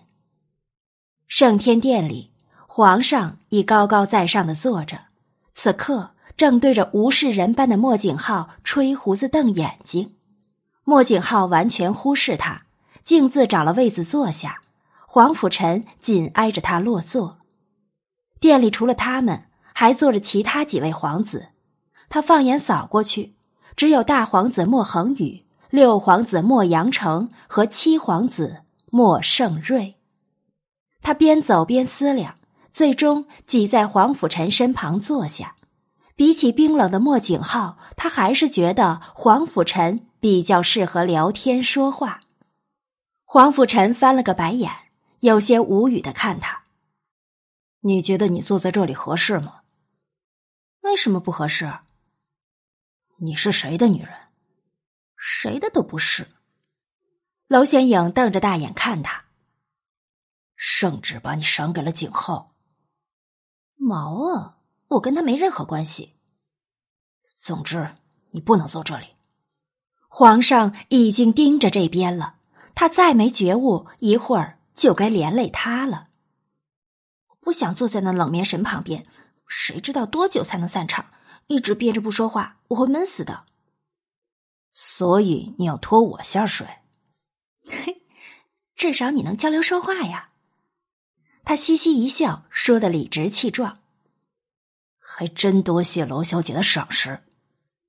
黄甫臣嘴角一抽，败给他了。他站起身来，指着自己的位子对他说：“你坐这里，我坐旁边。”他想了想，最终点头：“嗯，这样也行。”两人刚交换完位置，刚才那美人在宫女的搀扶下就进了殿。皇上看到她出现，眼前一亮，竟然站了起来，笑着朝他招手：“爱妃，你来了，快到朕身边来。”噗！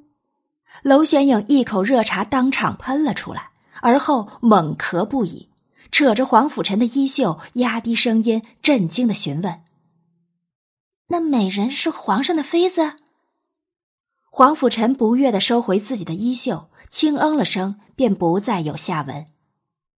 天，娄玄影瞠目结舌，瞪着大眼看着那美女一步步朝皇上所在的位置走过去。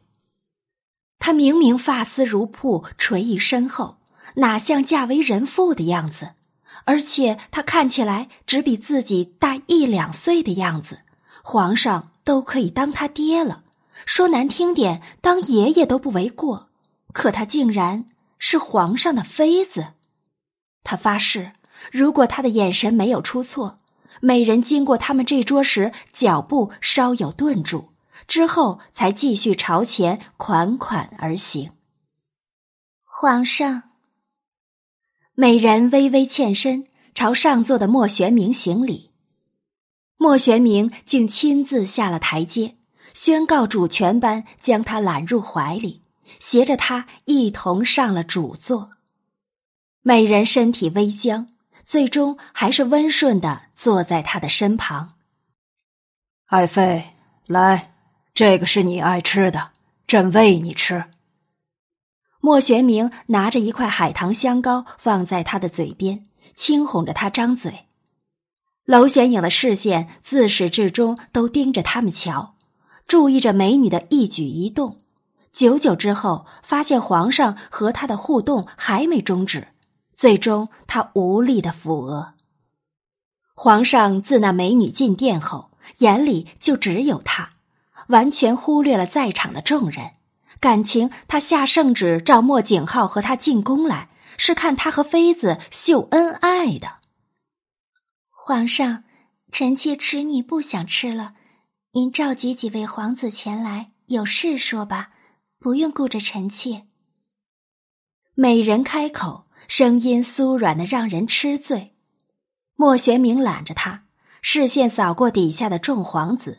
最终落回莫景浩身上，刚才对着美人的柔情，转眼被威严取代，甚至有些怒意。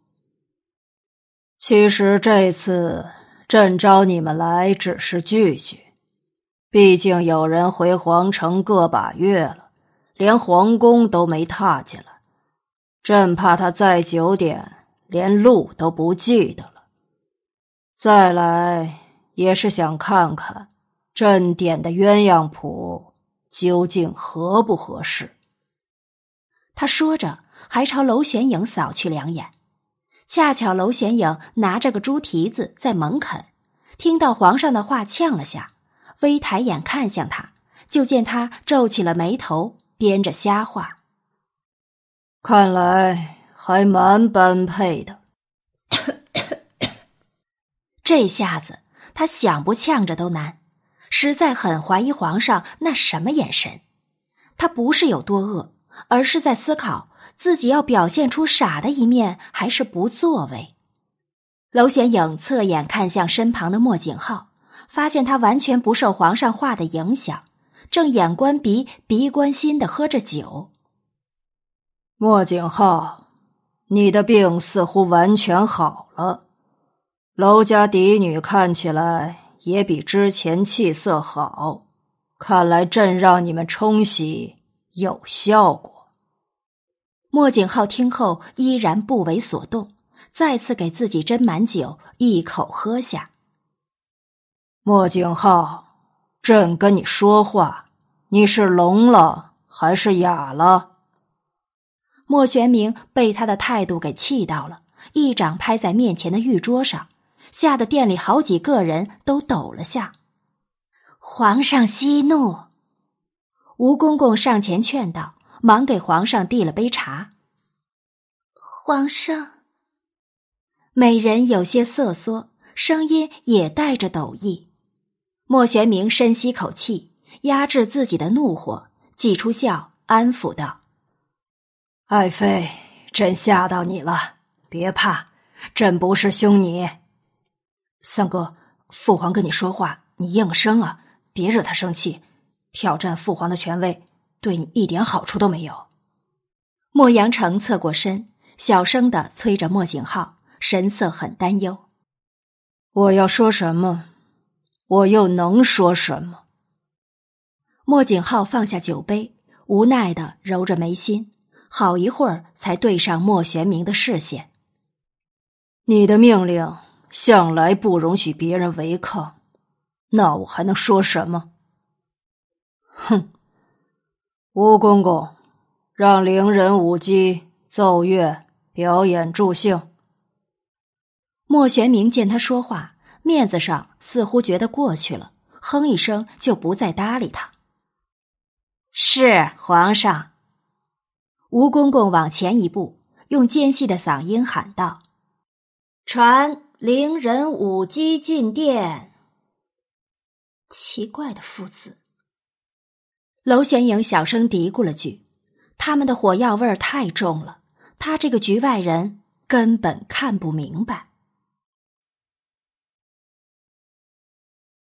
第五十二集，圣天殿里歌舞升平。伶人的曲子弹得婉转动听，舞姬的身姿摇摆的婀娜。然而，店里很多人的心思却不在那。比如，打着饱嗝的娄玄影忙着灌水，不时发出违和的声音；身旁的莫景浩白了他好几眼，径自喝着酒。娄玄影没空和他瞪眼，几杯茶水喝下，他终于拍着胸口松了口气。而这时才发现，除了莫景浩瞪他几眼外，还有一道强烈的视线也不时扫射过来，正是来自于上座的美人。他一抬眼，他就偏开了视线。娄玄影一手肘捅了捅身旁的黄甫臣，凑过去小声询问：“喂，那个美人叫什么名字？”你问我做什么？因为我知道你一定知道。说不说？不然，哼！他说着，举起自己刚才拿过猪蹄肥腻腻的手，脸上的表情很明确。如果他不说，他就用油手去抹他的白衣裳。你敢试试？他邪恶一笑，反问道：“哼，你真的以为我不敢？”黄甫臣嫌恶的看着他，果断拉开与他的距离，丢下几个字。皇城第一美人庄心柔，柔妃娘娘。果然人如其名。皇城第一美人。娄玄影啧啧叹道：“当他再次抬头看到庄心柔偏开的视线时，他问出了心底的疑惑：‘哎，你有没有发现他一直看着我们这边？’你以为他在看你？”黄甫臣没好气的问他。难不成在看你？你想多了。娄玄影挠着脑袋，庄心柔不时看着他们这边，好几次还能对上他的眼，只是那眼里过于淡漠，让他一时之间辨不出他的情绪。看着那张如花似玉的脸，他点头称赞：“嗯，太漂亮了，不负皇城第一美人的称号。”擦擦你的口水，快流下来了。黄甫臣鄙夷的看着他，娄大小姐，你不是男人，你是女人。按照常理，你们女人看到比自己漂亮的，不是该嫉妒眼红吗？这些情绪你都没有，反倒在这里流口水。你确定自己没问题？你才有问题！爱美之心，人皆有之。我不能欣赏美的事物？我都承认她比我漂亮了，还嫉妒啥？更何况，虽然不及她貌美，但我长得也不丑，好吧，也算小美人，这就够了吗？够自恋，心也够宽。本来就是啊。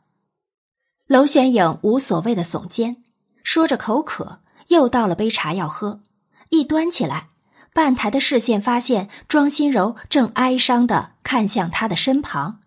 原来他看的人是莫景浩，狗血呀！他们父子的仇，难道是因为第一大美人？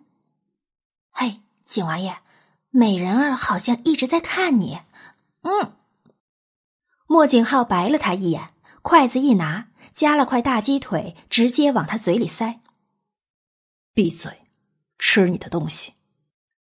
娄玄影被噎着了。待他筷子一离开，马上伸手把塞在嘴里的鸡腿拿出来。你你想噎死我呀？被我说中也不用恼羞成怒。娄玄影，你是觉得皮痒是吧？当真以为本王治不了你？莫景浩危险的朝他眯起了眼，越来越向他逼近。熟悉的脸越放越大，可那脸上的寒霜却过于陌生。他有些烦躁，不断的向后仰，拉开两人之间的距离，整个人都要贴在黄甫臣身上了。你们俩够了，要闹回景王府去闹，大家看着呢。黄甫臣无奈极了，将娄玄影推回莫景浩身上。他可不想惹得一身腥。他瞥了上座一眼，压低声音小声道：“景浩，庄心柔可真的一直注意我们这边的动静？这跟我有什么关系？”莫景浩薄唇紧抿，不轻不重的反问这么一句，从他话里听不出任何情绪。然而。在他发现被推到身上的女人竟用那双油手抓捏他的衣袍时，狠狠的扣住他的手腕。娄玄影，你想死？咬牙切齿的语气透露着他的气愤，手上的劲儿不自觉的加重了些。娄玄影从他阴沉的语气里感受到他汹涌的愤怒，好女不吃眼前亏，忙陪笑道。景王爷，你不要生气，我知道错了。刚才只是发现你衣服的料子很舒服，摸一下而已。回去跟你算账。莫景浩哼的一声，用力甩开他的手，又继续自斟自饮起来。庄心柔一直注意着他们这边，当看到他趴在莫景浩身上时，眼里有抹受伤，嘴角泛起苦涩的笑。皇上，臣妾身子不舒服，想先回庄华宫。爱妃不舒服。莫玄明的眼里闪过一抹异光，很快又隐去，脸上满是担心。见他起身，也跟着站起来搀扶。来人，送柔妃回宫殿休息。是。宫女上前，小心的搀扶住庄心柔。在众人的视线中，一步步朝殿外走去。经过他们桌子前，庄心柔看到无动于衷的莫景浩，眼里的神伤更重了。再看他身旁那个低着脑袋在桌上美食堆里捣鼓着的女人时，莫可奈何的叹了口气。娄玄影仿佛感应到他的注视，抬起头来，就与他的视线对上了。惊讶于他眼中的嫉恨，无辜的眨了眨眼，还没等他有更多反应，大美人已经恢复淡漠，越走越远。他刚才没看错吧？庄心柔眼里闪动的是嫉妒的火花，他何德何能，竟然遭到皇城第一大美女的嫉妒？他越来越肯定，庄心柔和莫景浩之间有过不可告人的秘密。不过，庄心柔也太武断了吧？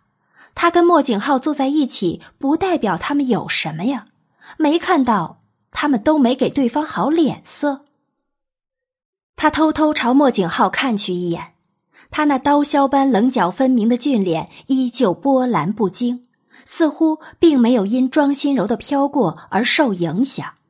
他竟然还在悠哉的品着酒。庄心柔离开后，没过多久，皇上也走了。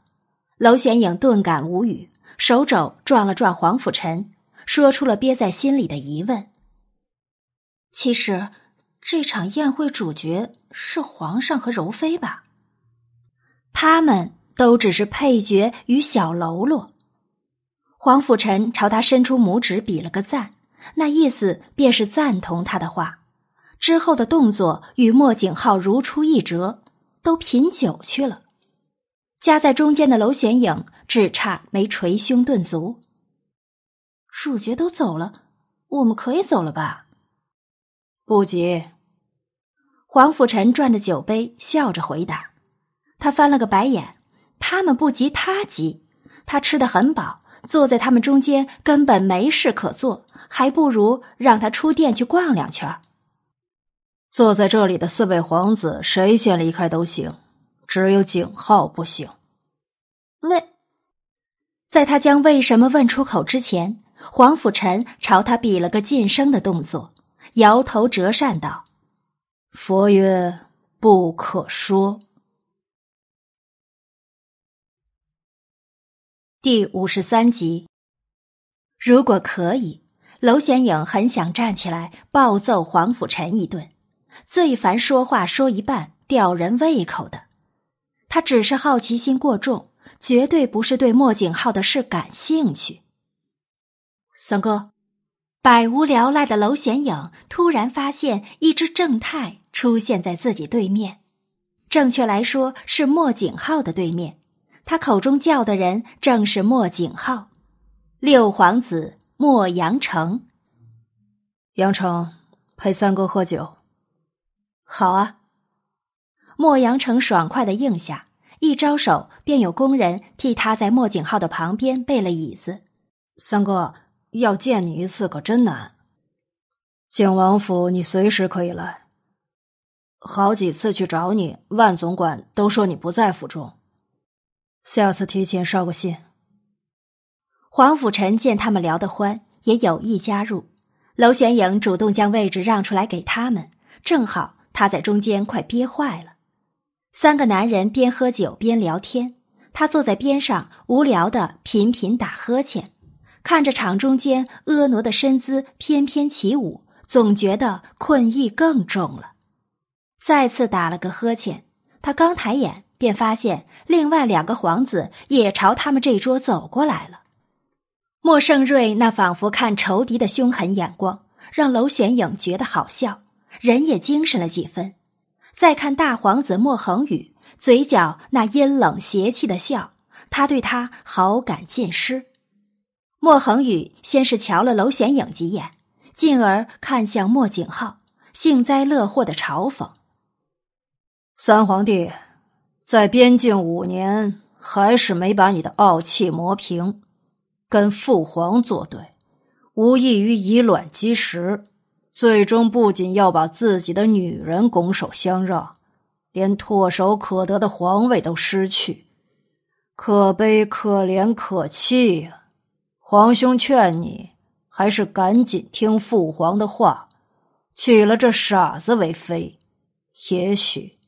还能重新赢得父皇的欢心，大皇兄，话不是这么说。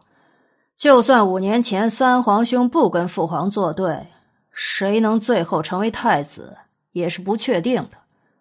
大皇兄和二皇兄不都很优秀吗？不过有句话，大皇兄说的对，三皇兄还是赶紧听父皇的话，娶了那傻子吧。莫盛瑞也跟着大笑起来，令圣天殿里的气氛显得极其诡异。听着他们猖狂的笑声，被他们称为傻子的娄玄影心里万分不爽。果然不是什么好货色，他们兄弟不和，扯上他做什么？莫盛瑞以前收拾过了，以后再说。至于莫恒宇，他左手一只猪蹄，右手一只鸡腿。突然站起来，脚却被椅子腿绊了下，身体重心不稳，啊的大叫一声，跌在桌上。手里的猪蹄和鸡腿划出优美的抛物线，准确的朝莫恒宇飞了过去，连桌上的盘子都撞出去，砸在地上。该死的！莫恒宇顾着空中飞过来的猪蹄和鸡腿，盘子里的油脂又溅他衣摆上了。看着锦袍上的污渍，他连掐死娄玄影的心都有了。娄玄影抬起头来，看着莫恒宇衣服上的污渍，自责不已：“哎呀，大皇子，真是抱歉，我坐太久腿软，一个没站稳就这样了。你大人不计小人过，这点小事总不会跟我这个傻子计较吧？”莫景浩别有深意的看了娄玄影一眼。刺客与他同时出现，真的只是巧合。莫恒宇脸色很阴沉，一副要怒不怒的样子，盯着他那无辜的表情看了好一会儿，最终怒笑起来：“三皇帝，看来你功劳可不小，连傻子都能给你冲洗冲好。多谢大皇子夸奖，玄影太感动了。好些人还以为我跟过去一样疯癫痴傻，只有您无条件相信我正常了。他说着，还掏出手绢，装模作样的擦着眼角根本不存在的眼泪，惹得知情的莫景浩和黄甫臣频频翻白眼，而莫阳城在一旁却看得傻眼。相府大小姐不是傻子吗？他还一直替三哥抱不屈，父皇下圣旨时还求了情，还挨了一顿训。哼，希望事实是如此。莫恒宇冷哼一声，再也不去瞧他一眼，衣袖一甩，气闷的往殿外走。同样愣住的还有莫盛瑞，他不可置信的瞪着洋洋得意的娄玄影，无法接受他不傻的事。上，娄玄影，你上次是在戏弄本王。他猛然想起上次在相府多次被他整蛊，他表面看着傻。但细想起来，若他真是傻子，怎么可能做出那么多诡异的事？一想到划船的事，他就觉得命根子发疼。哟，原来莫盛瑞也不是特别傻嘛！终于发现不对劲了，可他又不是真傻，怎么可能承认？上次，抱歉，以前的事记不太清楚。这是哪位尊贵的皇子？我什么时候戏弄过你？不过我想，就算给我一百个胆儿，我也不敢戏弄你呀！你可不能含血喷人。他一副委屈小媳妇的模样，对他烈性了解不少的黄甫臣直接不给面子的喷笑起来。他也不客气的直接抬脚往他脚背上踩。黄甫臣在心疼他干净的靴，桌子下另一脚抬起，凌厉的脚风朝他扫过去。才不管她是不是女人。娄玄影灵巧的跳出桌子外来，朝他吐舌头扮鬼脸莫盛瑞看着嬉闹中的他们，已知道店里就他一人格格不入，不如趁早离开。当下朝娄玄影瞪去一眼，紧随莫恒宇身后离开。大皇子和七皇子都先出去了，这下子我们可以走了吧？你不是说？不记得七皇帝吗？莫阳城呆呆的发问。六皇子，他的话别尽听尽信，满嘴谎话，没几句是真的。哦，莫阳城果真听话的点头，看向娄玄影的眼里更加诧异了。你们到底走不走啊？他不耐烦的再次催促起来，他真的快憋坏了。酒没喝够，不走。哼，酒鬼！祝你们喝到酩酊烂醉！姐不陪你们在这里耗费生命，我要去逛皇宫。他再次朝他们扮鬼脸，而后迈着欢快的步子就要跑出去，下一刻却被莫景浩的威胁止住步子。连景王府都能迷路的人，本王劝你不要乱走。若走丢了，没人会带你出来，而且。皇宫禁区多，跨进去就等着掉脑袋。他记得他在景王府只迷过一次路，而且是他刚去的第二天，人生地不熟，景王府又那么大，迷路是再正常不过的事儿。可他连这种破事儿都知道，万总管不会连鸡毛蒜皮的小事都要向他汇报吧？不过。皇宫比景王府还更大，如果他真的自己去逛，也许真的会迷路。哼，不去就不去，只是坐在这里太无聊了。要不，我们来聊聊刚才那个第一大美人。他的眼睛咕噜噜的转着，嘴角噙着抹不怀好意的笑，望向莫景浩。第五十四集。嘘，你想害死三哥呀？这事在宫里不能乱说。莫阳城听到娄玄影的话，比任何人都紧张。他笑了笑，一耸肩，表示不对此事负责。谁让我这么无聊呢？只好找一些我感兴趣的事来聊聊。从莫阳城话里的紧张和据他的观察，他已经肯定莫景浩和庄心柔之间的关系不同一般。按他的推理，应该是皇上和他同时喜欢第一美人，争夺之下，莫景浩败下阵来，庄心柔被皇上纳作柔妃，而他也被流放到边境。只是他们父子的态度似乎又很微妙，事情不该这么简单。可这些关他什么事？娄大小姐，你总那么出人意料，酒会喝吧？要不一起来喝酒？娄玄影去了他们桌前摆放的一坛坛酒，撇嘴道：“不要，酒有什么好喝的？他酒量并不差。”在现代时，鉴定古物碰上的都是大商人，少不了应酬，酒量也是那时练起来的。只是平日里能不喝酒，他才不想自找罪受。皇宫的酒是天下最佳好酿，错过了可惜，在宫外是喝不到的。确定不来试试？黄甫臣不住哄骗着他，他觉得她是个谜样的女子。倒想将他灌醉，帮莫景浩套些事出来。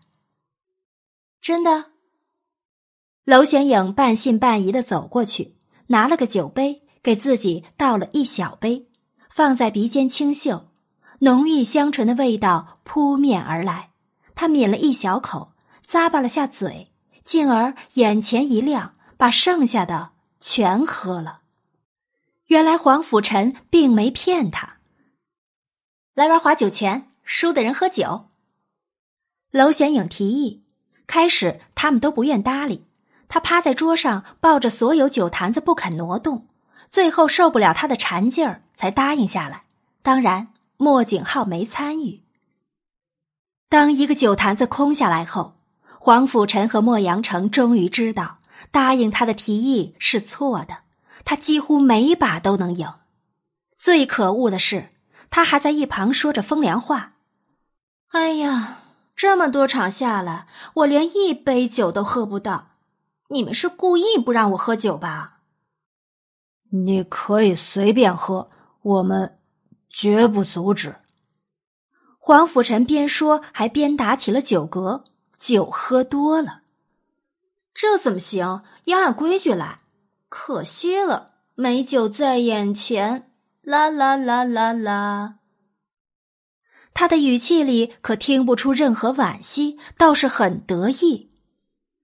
又几轮滑下来，莫阳城已经进入昏沉状态，脑袋咚的一声搁在桌上，醉得不省人事。哎，这小正太酒量不行啊！黄甫臣，只剩你一个了，十轮之内你就可以陪他了。不玩了，要就直接来拼酒。我刚才已经喝了半坛，也不怕被说欺负女人。看谁先把谁放倒。好，这可是你说的。娄玄影摩拳擦掌，将椅子拖到他的对面，将其他酒坛子推到莫景浩面前，在他和黄甫臣的桌面上只摆着两坛未开封的酒。娄玄影。你现在认输还来得及。切，在我人生里从来没有轻易认输这回事。倒是你，一会儿醉倒了，还要找侍卫将你扛回去。狂妄！既然这样，那就喝吧。娄玄影开了封口，抱着酒坛子豪放的仰头喝起来。黄甫臣见状，当然不肯示弱。伶人舞姬还在殿中央奏乐起舞，可惜根本无人欣赏。半个时辰后，看着对面和身旁都趴下的两个男人，娄玄影站起来，叉腰大笑：“哼，放倒了两个人，我的酒量果然没退步。”他一抬眼就对上了莫景浩那探寻的目光，他逆着他冷声质问。娄玄影，你真的是相府大小姐？哼如果我不是，那还有谁是？他忘了还有一个冰窑子在看着，差点得意忘形。不过他很快反应过来，嘻嘻一笑，反问：“不管你以前真傻还是假傻，相府大小姐，本王不信楼相会让你喝酒。你的酒量哪里练出来的？”哼，我那不疼我的爹会知道我在做什么？我要出府还会难吗？他说起谎来，向来头头是道。也压根儿不怕被穿帮，在这个古代，还有什么会比他的身份更大的谎话？回府还是我们来喝，你一小杯一小杯喝有意思吗？一点都不爽快。我刚才也喝了一坛，我们差不离。接下来看谁能喝赢。酒鬼，莫景浩白了他一眼，对他的提议丝毫不感兴趣。你可以继续喝，醉了就在这店里睡一夜。来人！守在店外的太监听到传唤，立刻跑进店来。三皇子有何吩咐？把他们俩送回府去。是，奴才遵命。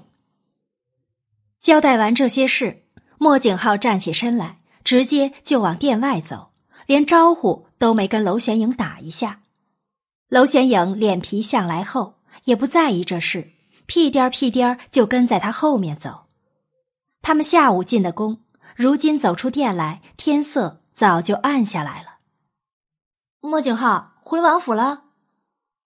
莫景浩理都没理他，只觉得他说的是废话，然而却忘了她是一个不懂安分的女人。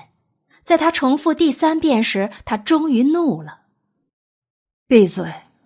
如果你想去别处，本王绝不阻拦。你回答一声是或不是会怎样啊？比你说这么两三句话省事儿吗？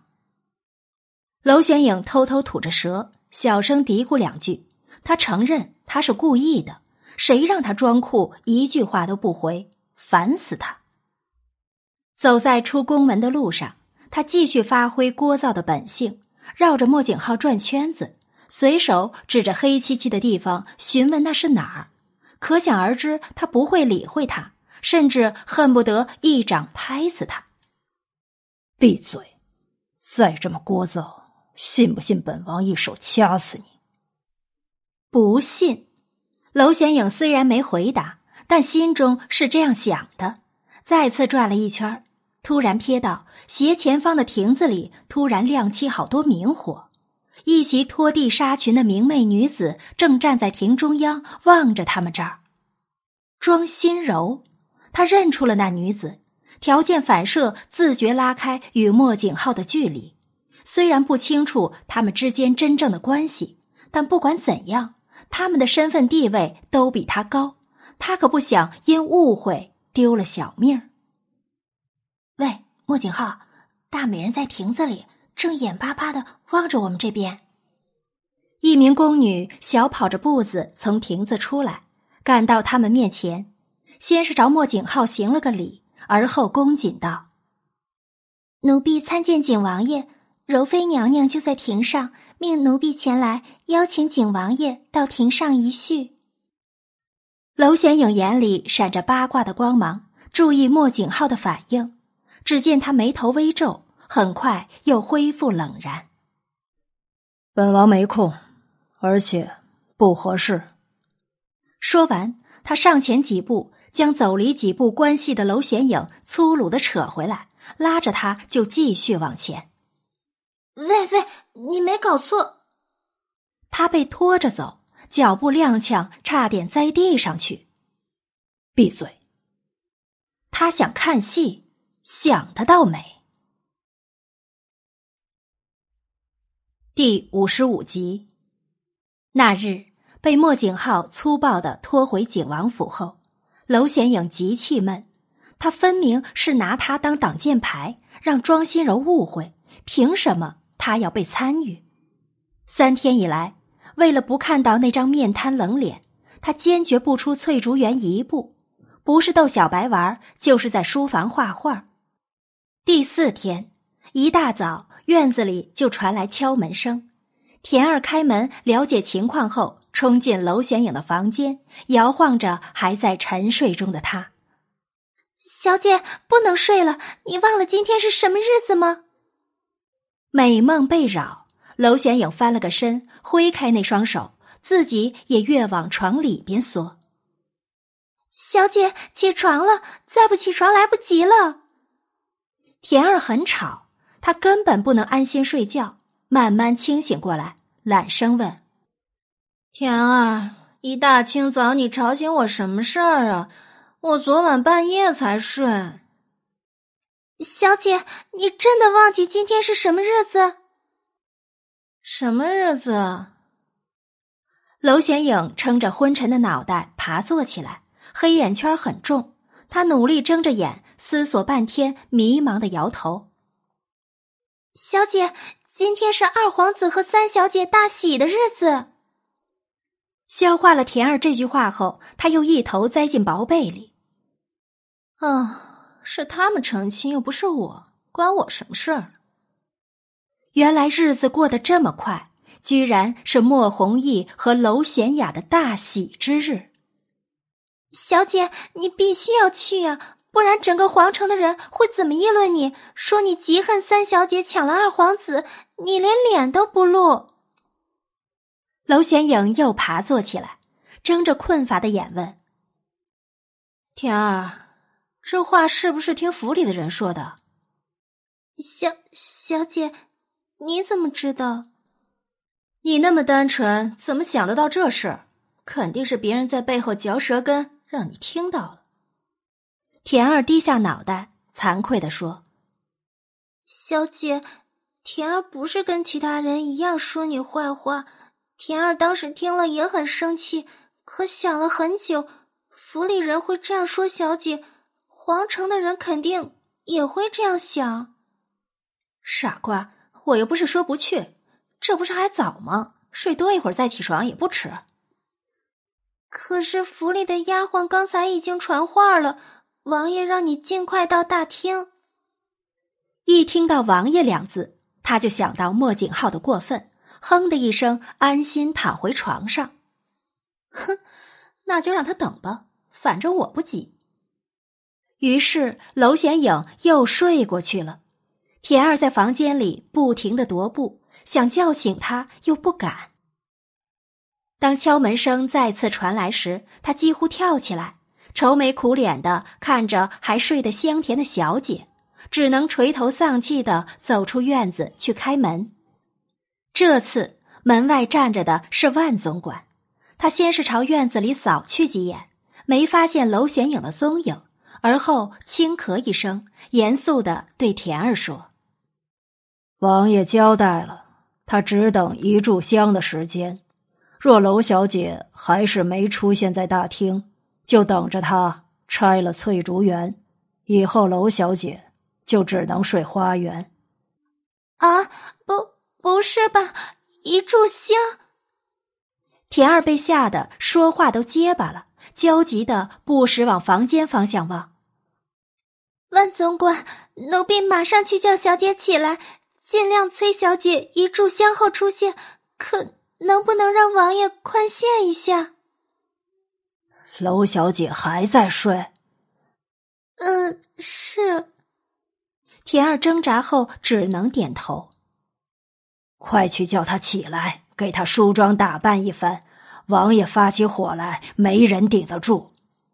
万总管也有些头大，他几日前就看到请帖上的时辰，知道王爷不耐烦等人，也知道娄小姐的性子。所以特意提前半个时辰让丫鬟先来催了，没想到还是这种结果。田儿慌张的跑进屋里，边摇他起来，边将万总管传达的事说出来。娄玄影就算再迷糊，也听到一半一半。一炷香没出现，就把翠竹园拆了。是啊，拆了，小姐就只能睡花园了。所以，小姐快起来吧。娄玄影拖着脑袋思索了片刻，终于爬了起来，简单梳洗一番，拒绝田儿拿给他的粉色衣裙，趴在衣橱里一阵翻找，找出了一件素白到似奔丧的裙子换上。田儿，帮我梳个发型就好。田儿知道时间所剩无几，已经顾不上吃惊，手脚麻利，快速替他梳头发。便见他拿过白色丝带，随手一绑，边穿鞋边往外跑。田儿，你就留在府里吧，不用跟去了。一身素白的娄玄影气喘吁吁的出现在大厅，看见桌上放着的茶杯，端起来就喝了一大口，喘气问：“啊，我应该没迟到吧？”“哼，你们好默契。”其实不是去参加二皇子和娄三小姐的喜宴，是去奔丧的吧？娄玄影前脚刚进大厅，黄甫臣后脚也到了，看到大厅里两个一身白衣的人，顿时笑得前仰后合。他这么喜欢白衣的人，今天都不敢穿白色的，也亏得他们这么默契。莫景浩也就算了，娄玄影是怎么回事儿？这么多次见到他。除了在皇宫那次，从来没见他穿过白裙，这是特地换的吧？娄千友，其实你是故意的吧？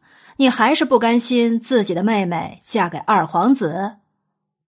哼，黄甫臣，你思想太复杂了。我承认我是故意的，但我这么做只是跟他们都有仇罢了。至于我那三妹嫁给谁，那二皇子娶了谁，关我屁事儿。女孩子说话这么粗俗，真的好吗？黄甫臣听到他最后一句话，啧啧叹气，而且发现不止他，连莫景浩的眉头也皱了起来。切，你管我？不是催得火烧屁股般吗？现在还做的这么悠哉，你逗我呢？娄玄影鼻子哼气，转而看向莫景浩，不满的控诉。黄甫臣在他们之间来回观望。发现他对莫景浩的怒气比之前重了不少。你们这几天发生了什么事？气氛似乎不太对。有吗？我这几天都没见过他，怎么可能发生什么事？倒是你，黄甫大公子，你那天醉醺醺被送回去，第二天好受吗？下次我们要不要再来赌个酒？他嘿嘿一笑，转而将问题抛还给黄甫臣，让他去尴尬。黄甫臣摸着鼻子，那天之后，他问过景浩，知道娄玄影一坛酒下肚后什么事都没有。真没想到他的酒量竟然这么好。你不用带兵在翼王府或皇城各处把关，这么有空过了。莫景浩轻拨着茶盖，喝了口茶。抬头问黄甫臣：“我爹在负责，翼王府今天好热闹。刚才经过，实在不想踏进去，就溜过来了。你要白跑一趟了，我正要过去。”莫景浩说着站起身来，让黄甫臣嘴角微抽：“景王府连杯茶水都不招待我。”第五十六集。在黄甫臣一路的抱怨声中，莫景浩等人到达翼王府。翼王府张灯结彩，大红喜字贴得比比皆是。他们来的有些晚了，门前的街道被挤得水泄不通，侍卫好不容易才把路打开。看到马车里走下来一袭白衣的莫景浩和娄玄影，翼王府迎宾的人愣了半天，才反应过来。景王爷吉祥，皇府侍郎吉祥。这是二皇子和娄三小姐的喜宴，他们穿的这样惨白。虽然服装怪异，但谁能动得了他们？最后，他们还是以贵客的形式被迎进皇亲国戚队伍中，可想而知，引起众人侧目。娄显影在喧嚣的酒桌堆里找到了相府的那桌。纠结着是否要过去，宣娘没来。婚宴正式开始后，楼相肯定不会坐那桌，剩下的就是娄玄琴、娄玄云和几个姨娘等。他坐在那里，多无聊。正当他犹豫不决之时，他发现莫景浩也没往众皇子的桌位去，而是挑了个最角落的位置。他当下决定跟过去，反正他也被送进景王府了，跟着莫景浩，别人也不会说闲话。虽然他冰冷了点，但比起跟娄玄琴等人坐一起，他宁愿跟他坐。这么一想，他撇下相府的桌，就跟在莫景浩身后跑。最后，莫阳城也寻了过来，于是他们这一桌就坐了四个人。三哥、三嫂，莫阳城经过那晚拼酒，加上他活泼的性子，他已经完全认可了娄玄影。可“嫂”子刚落下，就被他打断。呸！你叫谁呢？娄玄影一听，可不乐意了，翻着白眼瞪了他好几下。莫阳城挠着脑袋。一会儿看看莫景浩，一会儿又看看娄玄影，只能呵呵傻笑。黄甫臣却直接拍桌大笑：“哼，六皇子，他们都很抗拒你父皇的安排。为了我们自己的小命着想，最好别火上浇油了。”哼，六皇子，今天是你二皇兄的大喜之日，怎么能不喝几杯？来，我们一人一坛酒，干了！娄玄影明知他酒量不行，还故意将酒坛往他面前推。以他的酒量，半坛不到就能趴下。不喝了吧？皇甫大哥说你的酒量好到连他都喝不过。莫阳城一听他说喝酒就怕，脸上的表情显得极为难。而且我跟三皇兄关系比较好。哼。你比你那几个皇兄皇帝可爱，最起码比他们单纯直爽。娄显影朝他比了个赞，而后径自拿起桌上的糕点尝起来。你有没有发现，你似乎用跟小孩子说话的语气在逗六皇子？他可比你大。谁说的？我是……他差点将“九”字脱口而出。想想他已经不是现代的他，在这里。他只有十五岁呀，十五幼女呀。好吧，他比我大，可这个又关你什么事儿？如果你无聊的话，出去陪你爹把手呗。娄玄影训完话后，莫阳城就放心了。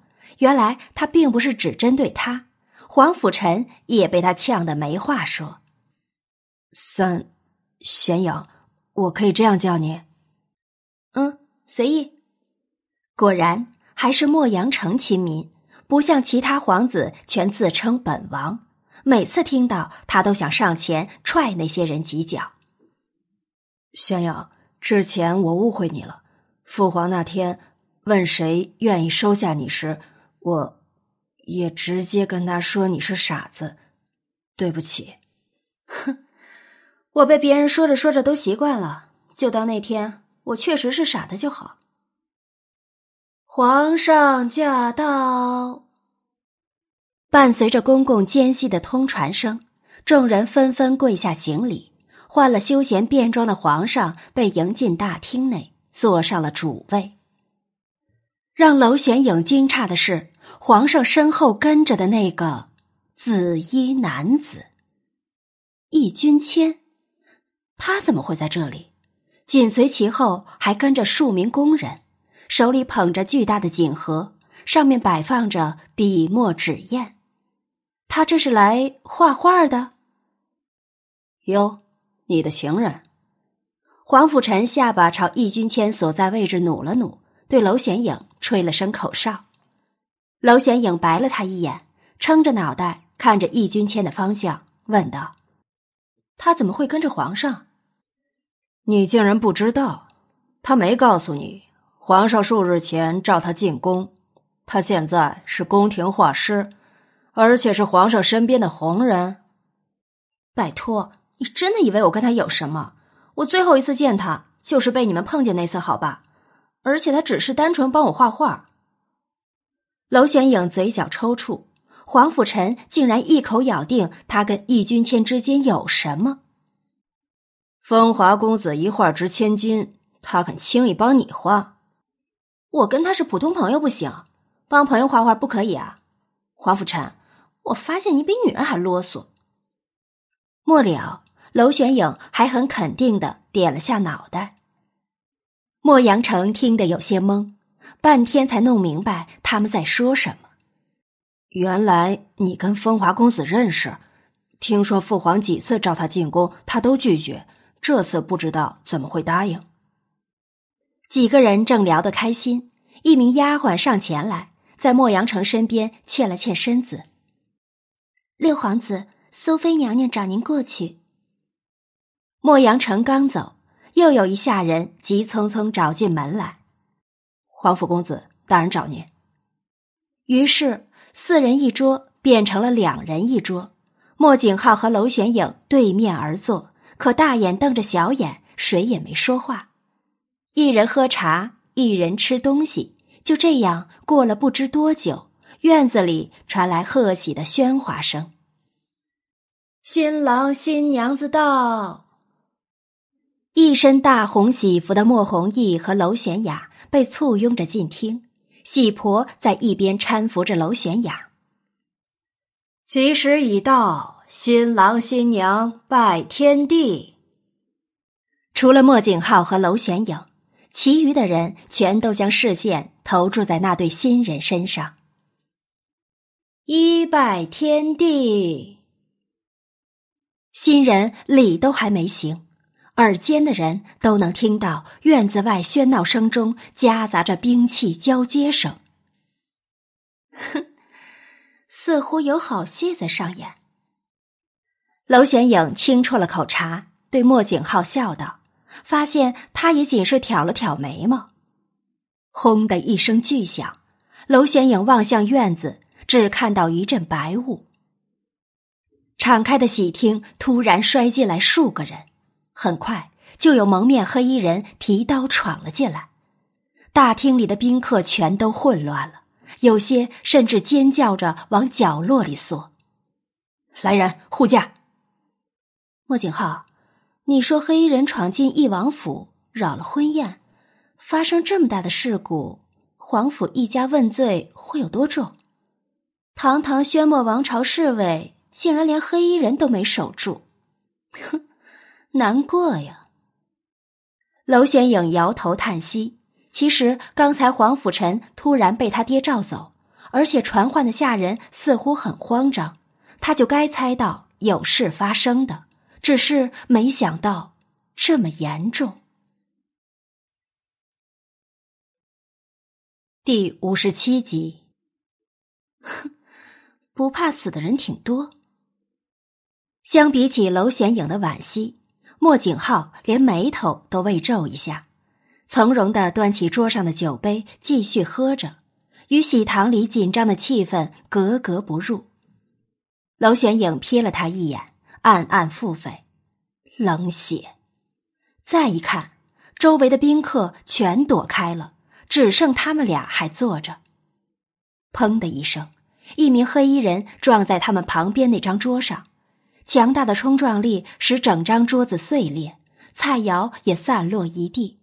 黑衣人翻滚了两下，口吐鲜血，倒在娄玄影的脚边，死不瞑目。他眉毛只是微微一挑，托着下巴观望。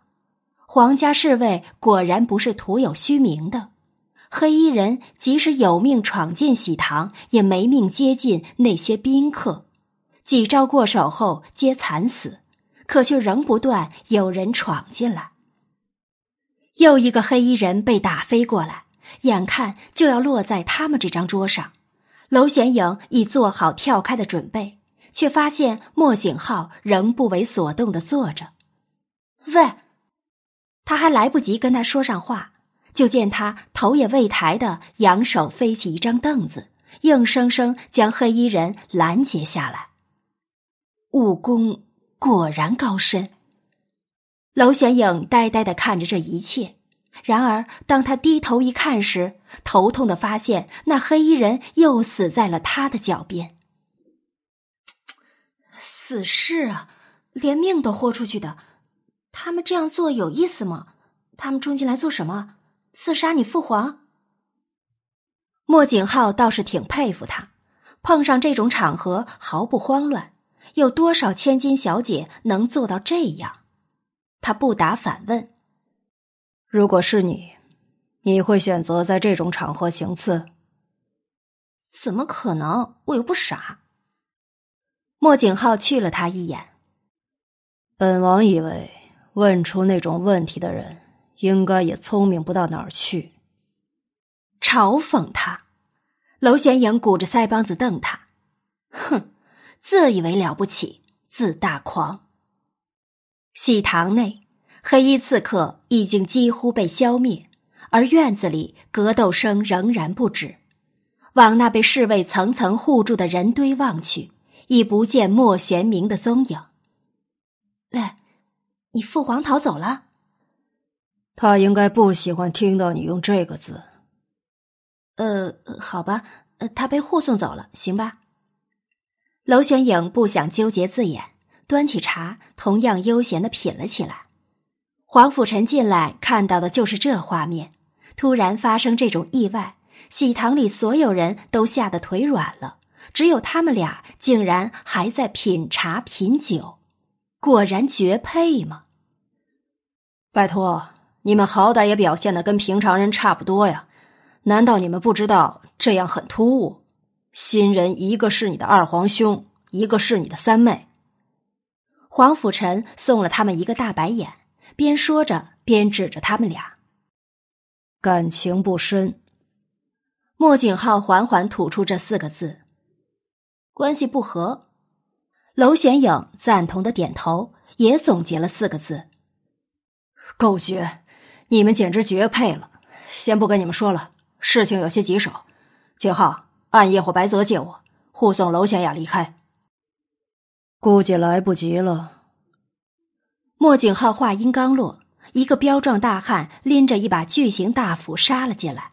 让他惊讶的是，那人竟然是独臂，一半的脸已经毁容，看起来极其狰狞。该死的，狂影竟然也参与这场猎杀！黄甫臣丢下这句话，直接飞身过去。娄玄影眨了眨眼，总算明白黑衣人的目标。他们竟然是冲着娄玄雅来的，为什么？和那人一比，黄甫臣的小身板没事吧？他不是狂影的对手。莫景浩，你不是把黄甫臣当好兄弟看吗？兄弟有难，你居然这么安然的坐着。他抿着嘴，并不想答他。可在他鄙视的眼神下，只能无奈的开口：“白泽暗夜会出手。”白泽暗夜，他只见过白泽，至于那个暗夜，没听过，更没见过。环顾四周，却连白泽的踪影都没发现。高手都是神龙见首不见尾的吗？黑衣人死伤惨重，却依然前仆后继的往前冲。然而，渐渐的，皇家侍卫抵抗的越来越被动，伤亡也开始加重。娄显影看着院子里的死伤，眉头也拧起。这情景可是他从来未经历的，也太惨烈了。喂，莫景浩，那些侍卫是不是有些不对劲？嗯。莫景浩只应了声，就再没下文。师傅。我来掩护你。喜堂外飞窜进一个矫健的身影，加入打斗行列。有了帮手，那个狰狞的大汉施展起来更是得心应手，只拆了数招，便逼近了娄玄雅等人。他手中的大斧轻轻一挥，挡在前头的侍卫拦腰被劈成两半，很多也口吐鲜血，倒地不起。救命啊！娄玄雅尖叫一声，幸得莫弘毅将他扯离，两人却没配合好，他连滚带翻摔到后头去，整个人撞到桌角上，额头流血，当即昏了过去。白泽，莫景浩终于看不过去了，冷声下令，青色的身影一晃进了喜堂，白泽举刀硬生生拦下了狂影挥下的大斧。刀光剑影下，两人都被逼得连连后退。白泽，他暂时交给你，我先把这个碍事的家伙打倒。黄甫臣说完，专心对付起狂影的徒弟来。他的身手不差，加上还有众侍卫的帮助，黑衣人渐渐处于下风。在黄甫臣最后凝厉的一掌中，他被打飞出去，身体呈抛物线飞出去，再次落在离楼玄影不远处。恰在这时，震天动地的脚步声传来，楼玄影透过门厅，发现一名将军打扮的人带领士兵将整个王府团团包围，把这些黑衣人制服，押入大牢。狂影。你已经被包围，劝你速速就擒。喜堂里，狂影依旧不为所动，直朝目标袭去。黄甫臣和白泽合力抵挡，僵持不下。娄玄影一直观望着院子，没发现刚才被黄甫臣打飞过来的黑衣人突然爬了起来，身形一闪，大手掐住了他的后颈，手中的剑也架上了他的脖子。不给他反应时间，他拖着他就往前走。玄影，楼承德看到楼玄影被挟持住，神情有些担忧。不想他死，就让我跟师傅离开。我不走，在我狂影这里，从来就没有放弃一说。狂影犹如发怒的狮子，大吼一声，手中的巨斧挥得更猛了。师傅，留得青山在，不怕没柴烧。弟兄们死的死，伤的伤。娄玄影低眼瞟了下脖子上那把利剑，头皮有些发麻。大哥，别激动，我的脖子还在你的剑下。而且有一点我要提醒你，你拿我威胁他们是一点用都没有的。我的死活除了我自己以外，跟任何人都没关系。第五十八集，师傅，走啊！黑衣人完全没理会娄玄影说的话，只是着急的想让狂影安全离开。娄玄影叹了口气，他天真的以为挟持了他就能安全离开，不要命的冲进皇室喜宴上来，根本是来送命的。既然是送命，何苦连累无辜呢？他真的很无辜。微微侧目，当他看到那冷血狂傲的男人依旧悠哉的品着酒时，他有些忧郁了。早知道也跟大伙儿一块躲在侍卫身后的莫景浩一点都不可靠呀！刚才他被挟持时，他稍稍出手，应该就能解救他，可他没有。好吧，他本来就没期待他搭救，冷血的男人。因黑衣人挟持了娄玄影，侍卫也不敢轻举妄动。僵持之下，所有人都极有默契的看向娄承德。娄玄影心中暗叫不妙，这是要放弃他的节奏啊！老爷以大局为重，不能让他们逃了。如果因为玄影，皇上怪罪下来的话，娄承德还没说话，柳姨娘已经等不及了。第一个开口劝他放弃娄玄影。听了他的话，娄玄影嘴角机不可闻的扬起一道讽笑。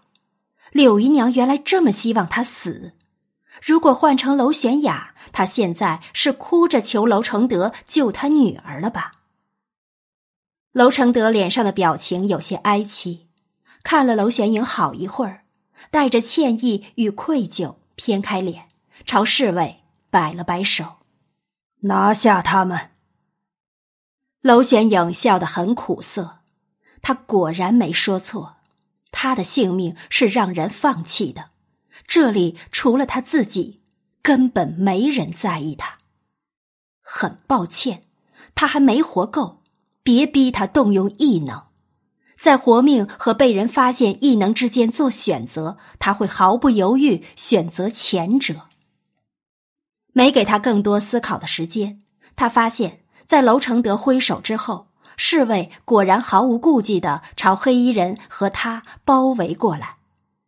黑衣人有些错愕与慌乱，不敢置信的瞪着手中的女人，他们竟然真的不管他的性命。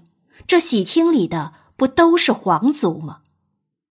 娄玄影从他紊乱的脚步里也发现了他的慌乱，逮到机会，一把扣住他的手，挥开他手中的剑，脚向后往他胯下一顶，在他吃疼之时，拔腿就朝侍卫跑去。该死的女人！黑衣人见他要跑，扬剑就朝他后背挥下去。趴下！他听到黄甫臣担心着急的吼声。也感受到身后越逼越近的剑锋，然而还没等他做出反应，就发现有人更快的朝他扑了过来，一把搂住他，两人双双摔在地上。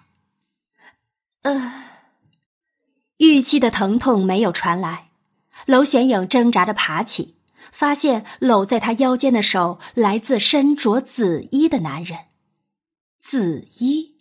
易君谦，他从他的怀里探出头来，一抬眼对上了狂影有些错愕的表情。只见他一咬牙，似乎很愤怒。走！他说完，抓起自己的徒弟，大吼一声，巨斧在空中挥划。在他内力的逼迫下，周围的侍卫被震飞出去，整个大厅都有些颤动。他冲出去。黄甫臣带着众侍卫追出去，喧嚣越来越远。他听到易君谦在他耳边低语的话：“丫头，你没事吧？”易君谦，你……他抬头望向他，发现他嘴角带笑，可脸色却越来越苍白。你受伤了？他挣扎着从他怀里出来，往他背上一看。发现鲜血正鼓鼓的从伤口里涌出，周围的紫衣已被染成深色。你为什么要救我？就连他名义上的爹都放弃他了，一个仅见过两次面的人，竟然愿意冲过来为他挡箭。我以为这个时候，你应该先替我找大夫。他看出了他的紧张与担忧，想跟他开玩笑，可说话总觉得无力。大夫，哦，对，先看大夫包扎伤口。娄玄影反应过来，带着乞求看向娄承德：“爹，玄影求你，帮我找个大夫。”娄承德有些怔住，看着他，又带着愧疚。迅速点头的同时，也吩咐了人去找大夫，把他带到厢房去吧。莫弘毅怀里搂着昏迷的娄玄雅，又带着探寻的眼神看了娄玄影好一会儿，开口提议：“谢谢。”娄玄影朝他道谢，跟着下人一起将易君谦送往易王府的厢房。送走大夫，易君谦喝了药，也睡下了。天色已暗，娄玄影坐在窗边，看着床上昏睡的他，思绪很混乱。他为什么愿意救他？想无可解，他只好拿脑袋轻撞窗栏。娄小姐，楼下让你前往大厅。娄玄影一挑眉，犹豫了好久，最终还是站起身来，离开前叮嘱守门的丫鬟看着屋里的人。当他出现在大厅时，匆匆环顾四周，发现原本被毁得惨不忍睹的喜宴厅已经恢复整洁，而该在不该在的人通通都在。他一跨进去，就接受到所有人的关注。风华公子怎么样了？还好，伤口有点深，但没有伤及要害。娄显影一板一眼的回娄承德的话。只是语气间已变得陌生。玄影，爹，对不住你。娄玄影一笑，知道他指的是不久前放弃他之事。若他以为随意一句话就能消除他心里已经产生的隔阂，那就大错特错了。哼，不必道歉，我本来就没对你抱过希望。对我而言，爹只是一个代称，没有其他任何特殊含义。你表现出来的也是这样，不是吗？听听，你这丫头说的什么话？老爷，他对你说话太无礼了。之前居然还装疯卖傻，骗了我们这么久。柳姨娘在一边煽风点火，令她最郁闷的是，这死丫头果然不傻，她之前都是装的。哼，柳姨娘，别忘了，我娘还在府里，你只是个姨娘。你今天在我爹面前指手画脚，是在向所有人昭告你能干预宣墨王朝丞相的决定，是吗？我爹愿意听你的话是他的事，至于我，就不劳你惦记了。皇上前几天刚夸奖我气色好，他觉得让我冲洗是明智的。你这样说，是否认皇上那天的话，还是想跟皇上对着来？娄玄影挑了个凳子坐下，连珠带炮似的话呛得柳姨娘连话都说不出。看着他一副吃瘪如吞苍蝇似的表情，他扯着嘴角嘲弄一笑，在丫鬟递过茶来时接下，翘着腿很悠哉的喝起了茶。说了这么多话，确实渴了。爹是以大局为重，玄影，如果你要记恨，爹也无可奈何。只是这里不是相府，柳娘怎么说也是你的长辈。你多少留点面子。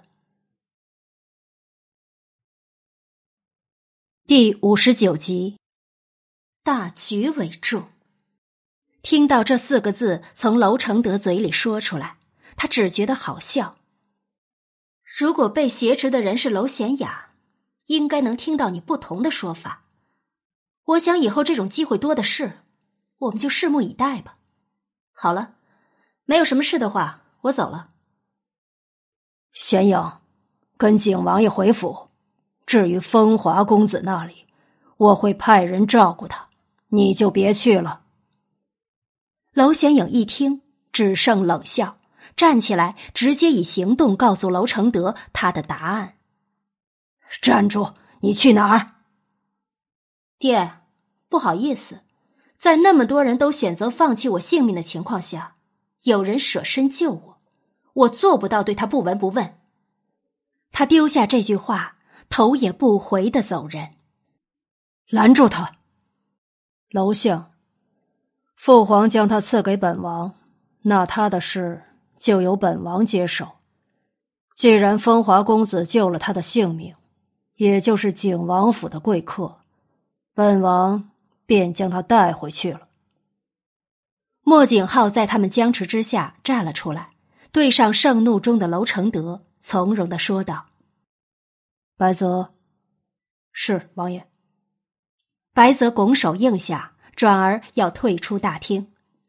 娄玄影伸手拦住他，瞪着莫景浩，气急：“莫景浩，我的事儿不用你接手。”黄甫臣疲惫的揉着眉心，挪到他面前低语：“娄玄影，聪明一点，就别跟你爹闹，跟景浩回去。”这里是翼王府，你确定要留在这里？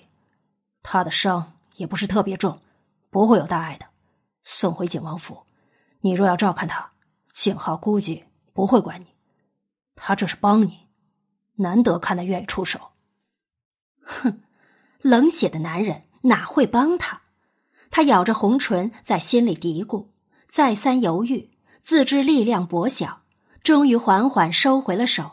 让白泽离开。娄玄影跟莫景浩离开之前，坏心的对娄承德等人留下几句话。看来三妹很受欢迎，嫁个人都能引来这么多黑衣人抢夺。爹，柳姨娘，你们要好好守着她哟。对了，三妹现在还没醒吧？她跟二皇子还没拜堂，可不是名正言顺的义王妃。是跟我一样送人好呢，还是把她带回去，再找时机嫁过来呢？不过，发生今天这种事，短期内嫁不了吧？戏谑的说完，他在娄承德吹胡子瞪眼睛和柳姨娘的气急败坏中，潇洒的挥手大摇大摆走人。上了马车，看着紧随其后上来的莫景浩，娄玄影哼的一声，别开脸去，完全不想搭理他。莫景浩抿着嘴，表情未变，很淡然的在他对面坐下。王爷，要不要等皇甫少爷？车夫敲着车门询问。不用，回府。马车缓缓向景王府行驶，车里的气氛很奇怪。平日里向来聒噪的娄玄影一句话都不吭，甚至都不想去看莫景浩。他摇了摇头。在他身上，仿佛看到年轻气盛时的自己，盯着他的侧脸，缓缓开口：“当所有人都放弃自己时，唯有让自己变得强大，才能活下来。”娄玄影讶异的转头，不相信这听着蛮有哲理的话，竟然会从眼前这个冷血的男人口中说出来。他这是安慰人，所以你不施援手是对的。我要活命，唯有变强自救。其实他不觉得莫景浩有义务救他，只是娄承德的行为太让他心灰意冷了。好歹这身体原主人也是他的亲生女儿，他竟然如此狠心，连带的让他对周围的人充满森森的恨意。莫景浩并没回答他，只是靠着马车闭上了眼。当时。在娄承德说出动手之时，他有意出手救他，并且已经站起来，迅速朝他们靠近。只是那个紫衣男人先出手了。不过这些他并不打算说，事后说了他也不会信。他信不信也不是他需要去在意的事。那时会想出手，不过是动了恻隐之心。娄玄影无语。话题是他先打开的，他回了话，他又不理人，别扭傲娇的男人。而在这时，他突然听到黄甫臣在外头气急败坏的声音：“停车！”黄甫臣拦住马车，在马车渐停时，人也跟着跳了进来，一坐下就开始抱怨：“景浩，你也太不够义气了！我还在跟人交代事情，你们就先走了。”莫景浩睁眼，完全不觉得有愧意。皇府府跟景王府不同路，今天发生这种事，皇上肯定震怒了。明日一早，他定要宣我爹跟我进宫的。我回去还能安心休息？所以你是打算拖我一块儿下水，让我今晚也不用休息了？好兄弟有福同享，有难同当。黄甫臣拍着他的肩膀，笑得一脸阴险。按以往你的表现，我现在应该幸灾乐祸。你们俩果然是好基友。娄玄影看着他们，你一言我一语，逗得欢乐。要不是心情不好，肯定会意淫起他们来。基友什么意思？你在骂我们？哼。他咧嘴一笑，也懒得跟黄甫臣解释，直接岔开话题。黄甫臣，要不说说今天喜宴上发生的事儿？皇上明天怪罪下来，你的罪责有多重？会被发配边境吗？娄玄影，你这样落井下石真的好吗？看到我这么凄惨，你就这么开心？嗯，挺好的呀。本来还在郁闷今天的事儿，想到你即将很凄惨。我瞬间就治愈了。那好，我们来聊聊你的情人替你挡箭的事儿。要有怎样的勇气才会做出那种事儿？事到如今，你还要否认你们关系非同一般？娄玄影，容我提醒你，当时人多嘴杂，这事肯定会传到皇上耳里。莫景浩不在意，不代表皇上也会对这事不闻不问。你是他下旨赐给景浩的，却跟别的男人传出这种事来，皇上面子肯定过不去。到时候你们就等着被处置吧。黄甫臣也极尽所能的对他进行挖苦，似乎不托个人跟他一起倒霉，他心里就不舒畅。他救我反而有罪了，他不救我就没人会搭理我了，我就应该白白牺牲。切！如果皇上这么不明事理，那我也无话可说。黄甫臣，话说我还没跟你算账呢，还不是你将那黑衣人揍到我脚边的？要不是你，我至于会被他挟持？你也太怂了，拳头跟棉花一样软绵绵，打的人不痛不痒，还有那么大劲儿来抓我。这也能赖我？难道不是？他翻了个白眼，反问一句：“他今天会这么摔？”黄甫臣确实脱不了干系。我不跟你争辩这事，我是来找景浩的。娄显影朝他扮了个鬼脸，背过身去，趴在窗口上，很快又转了回来。喂，黄甫臣，那些黑衣人为什么要抓娄玄雅？第六十集，天机不可泄露。看着黄甫臣那神秘的样子，娄玄影只能再次送他一个白眼，哼了声，刚要转回身，可突然想起娄承德曾经跟他说过的话：“皇宫暗格里有个预言，你们四姐妹中有一个人，谁能够得到，谁就能拥有天下。”哼，不会是因为？他带着疑惑。看向黄甫臣，有些不敢相信。你们有没有听过皇宫暗格里预言的事？娄承德上次可是让他保密的，他不敢直接说，只能试探着询问。没想到问完后，发现他俩同时怪异的看过来。你们这样盯着我看做什么？你竟然知道？我不觉得娄相会把那事跟你说。娄玄影了然，既然他们会这样说，证明他们是知道的。既然知道，他和他们稍稍讨论也不算违背承诺。他上次被我威胁逼迫的，不管这个，那预言你们相信？我怎么觉得完全不可信？整个天下的魅力还是挺大的。那什么狗屁预言不是秘密吗？怎么会闹得那么多人知道？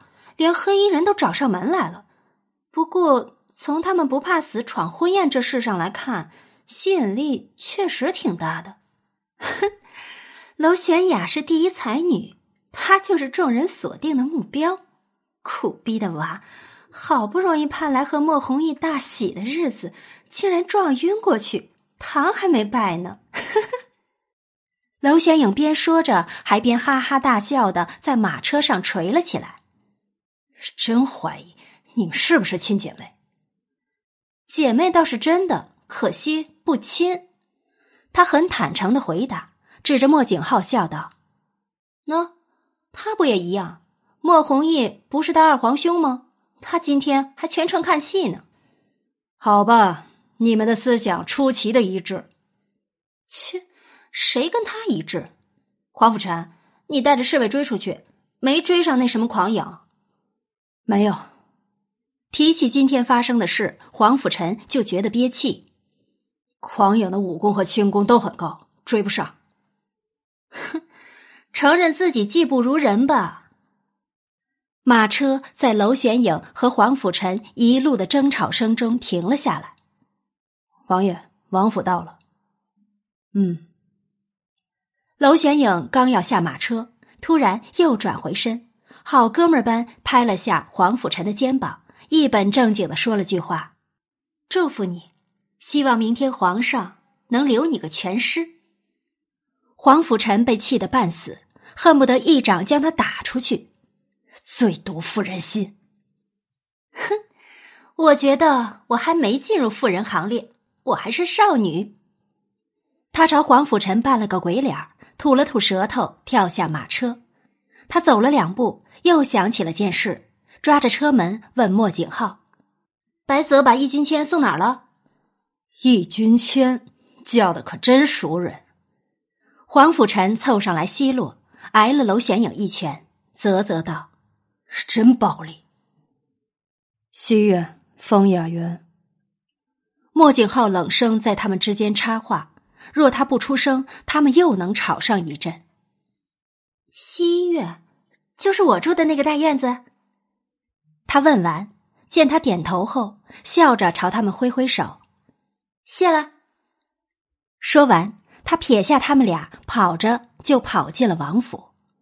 黄甫臣撞了撞莫景浩，打趣道：“景王府这么大，那么多院子，你不送，往西院送，你是存心凑合他们俩的吧？我知道你不满意皇上的安排，但他现在还住在景王府。”如果真的跟易君谦发生什么事，你就等着被戴绿帽吧。莫景浩淡淡的瞥了他一眼，道：“西院一直是客房，不往客房送，还能往哪儿送？你想太多了。他上次不是说了，我跟他迟早各归各路。”留下这些话，他也下了马车，负手往府里走。黄甫臣看着他们俩一前一后进了府，最终摇头叹息。虽然那两人一直不和，但他总觉得他们很般配。风雅园，娄显影端着药跨进风雅园时，发现易君谦已经醒过来了。看到他进来，他原本苍白无表情的脸上终于露出了笑。这里是景王府，是的。跟莫弘毅不熟，不想留在义王府，就把你一起带回来了。真的很谢谢你，我没想过你会冲过来替我挡箭。你现在觉得怎么样？娄玄影边说着边走过去，在他床边坐下，将药搁下。没事，这只是小伤而已。易君谦说着要从床上坐起，却被他一把按住。大夫说你的伤口很深，你别乱动。一会儿伤口又要裂开了，他的脸色丕变，他使这么大力将他按回床上，一会儿他的伤口才是真要裂开了吧？我喂你喝药，大夫说这药对你的伤很有帮助。好在娄显影很快缩回了手，转而去端药碗，他咬着药，吹凉后递到易君谦嘴边，一脸期待的盯着他。你。我可以自己来。她一个黄花大闺女，这么亲昵的替他吹药，又要喂他喝药，让别人看到对他不好。别动，张嘴。娄显影翻了个白眼，她怎么变得这么婆婆妈妈了？不就喂个药吗？前两次见到他时，她的洒脱完全不见了。最终，她一勺一勺的喂他喝完了整碗药。在他收拾药碗时，他一直紧盯着他瞧。对了，你怎么突然会答应进宫当宫廷画师了？我一直以为你那么自负傲气，应该不会答应的。只是突然心血来潮，等兴趣过了，说不定我就请辞了。不过我给你的印象就是自负傲气。他眉毛一挑，不觉得这是什么好词。我觉得，身为一名艺术家，就该具备这些特点，所以这是夸奖。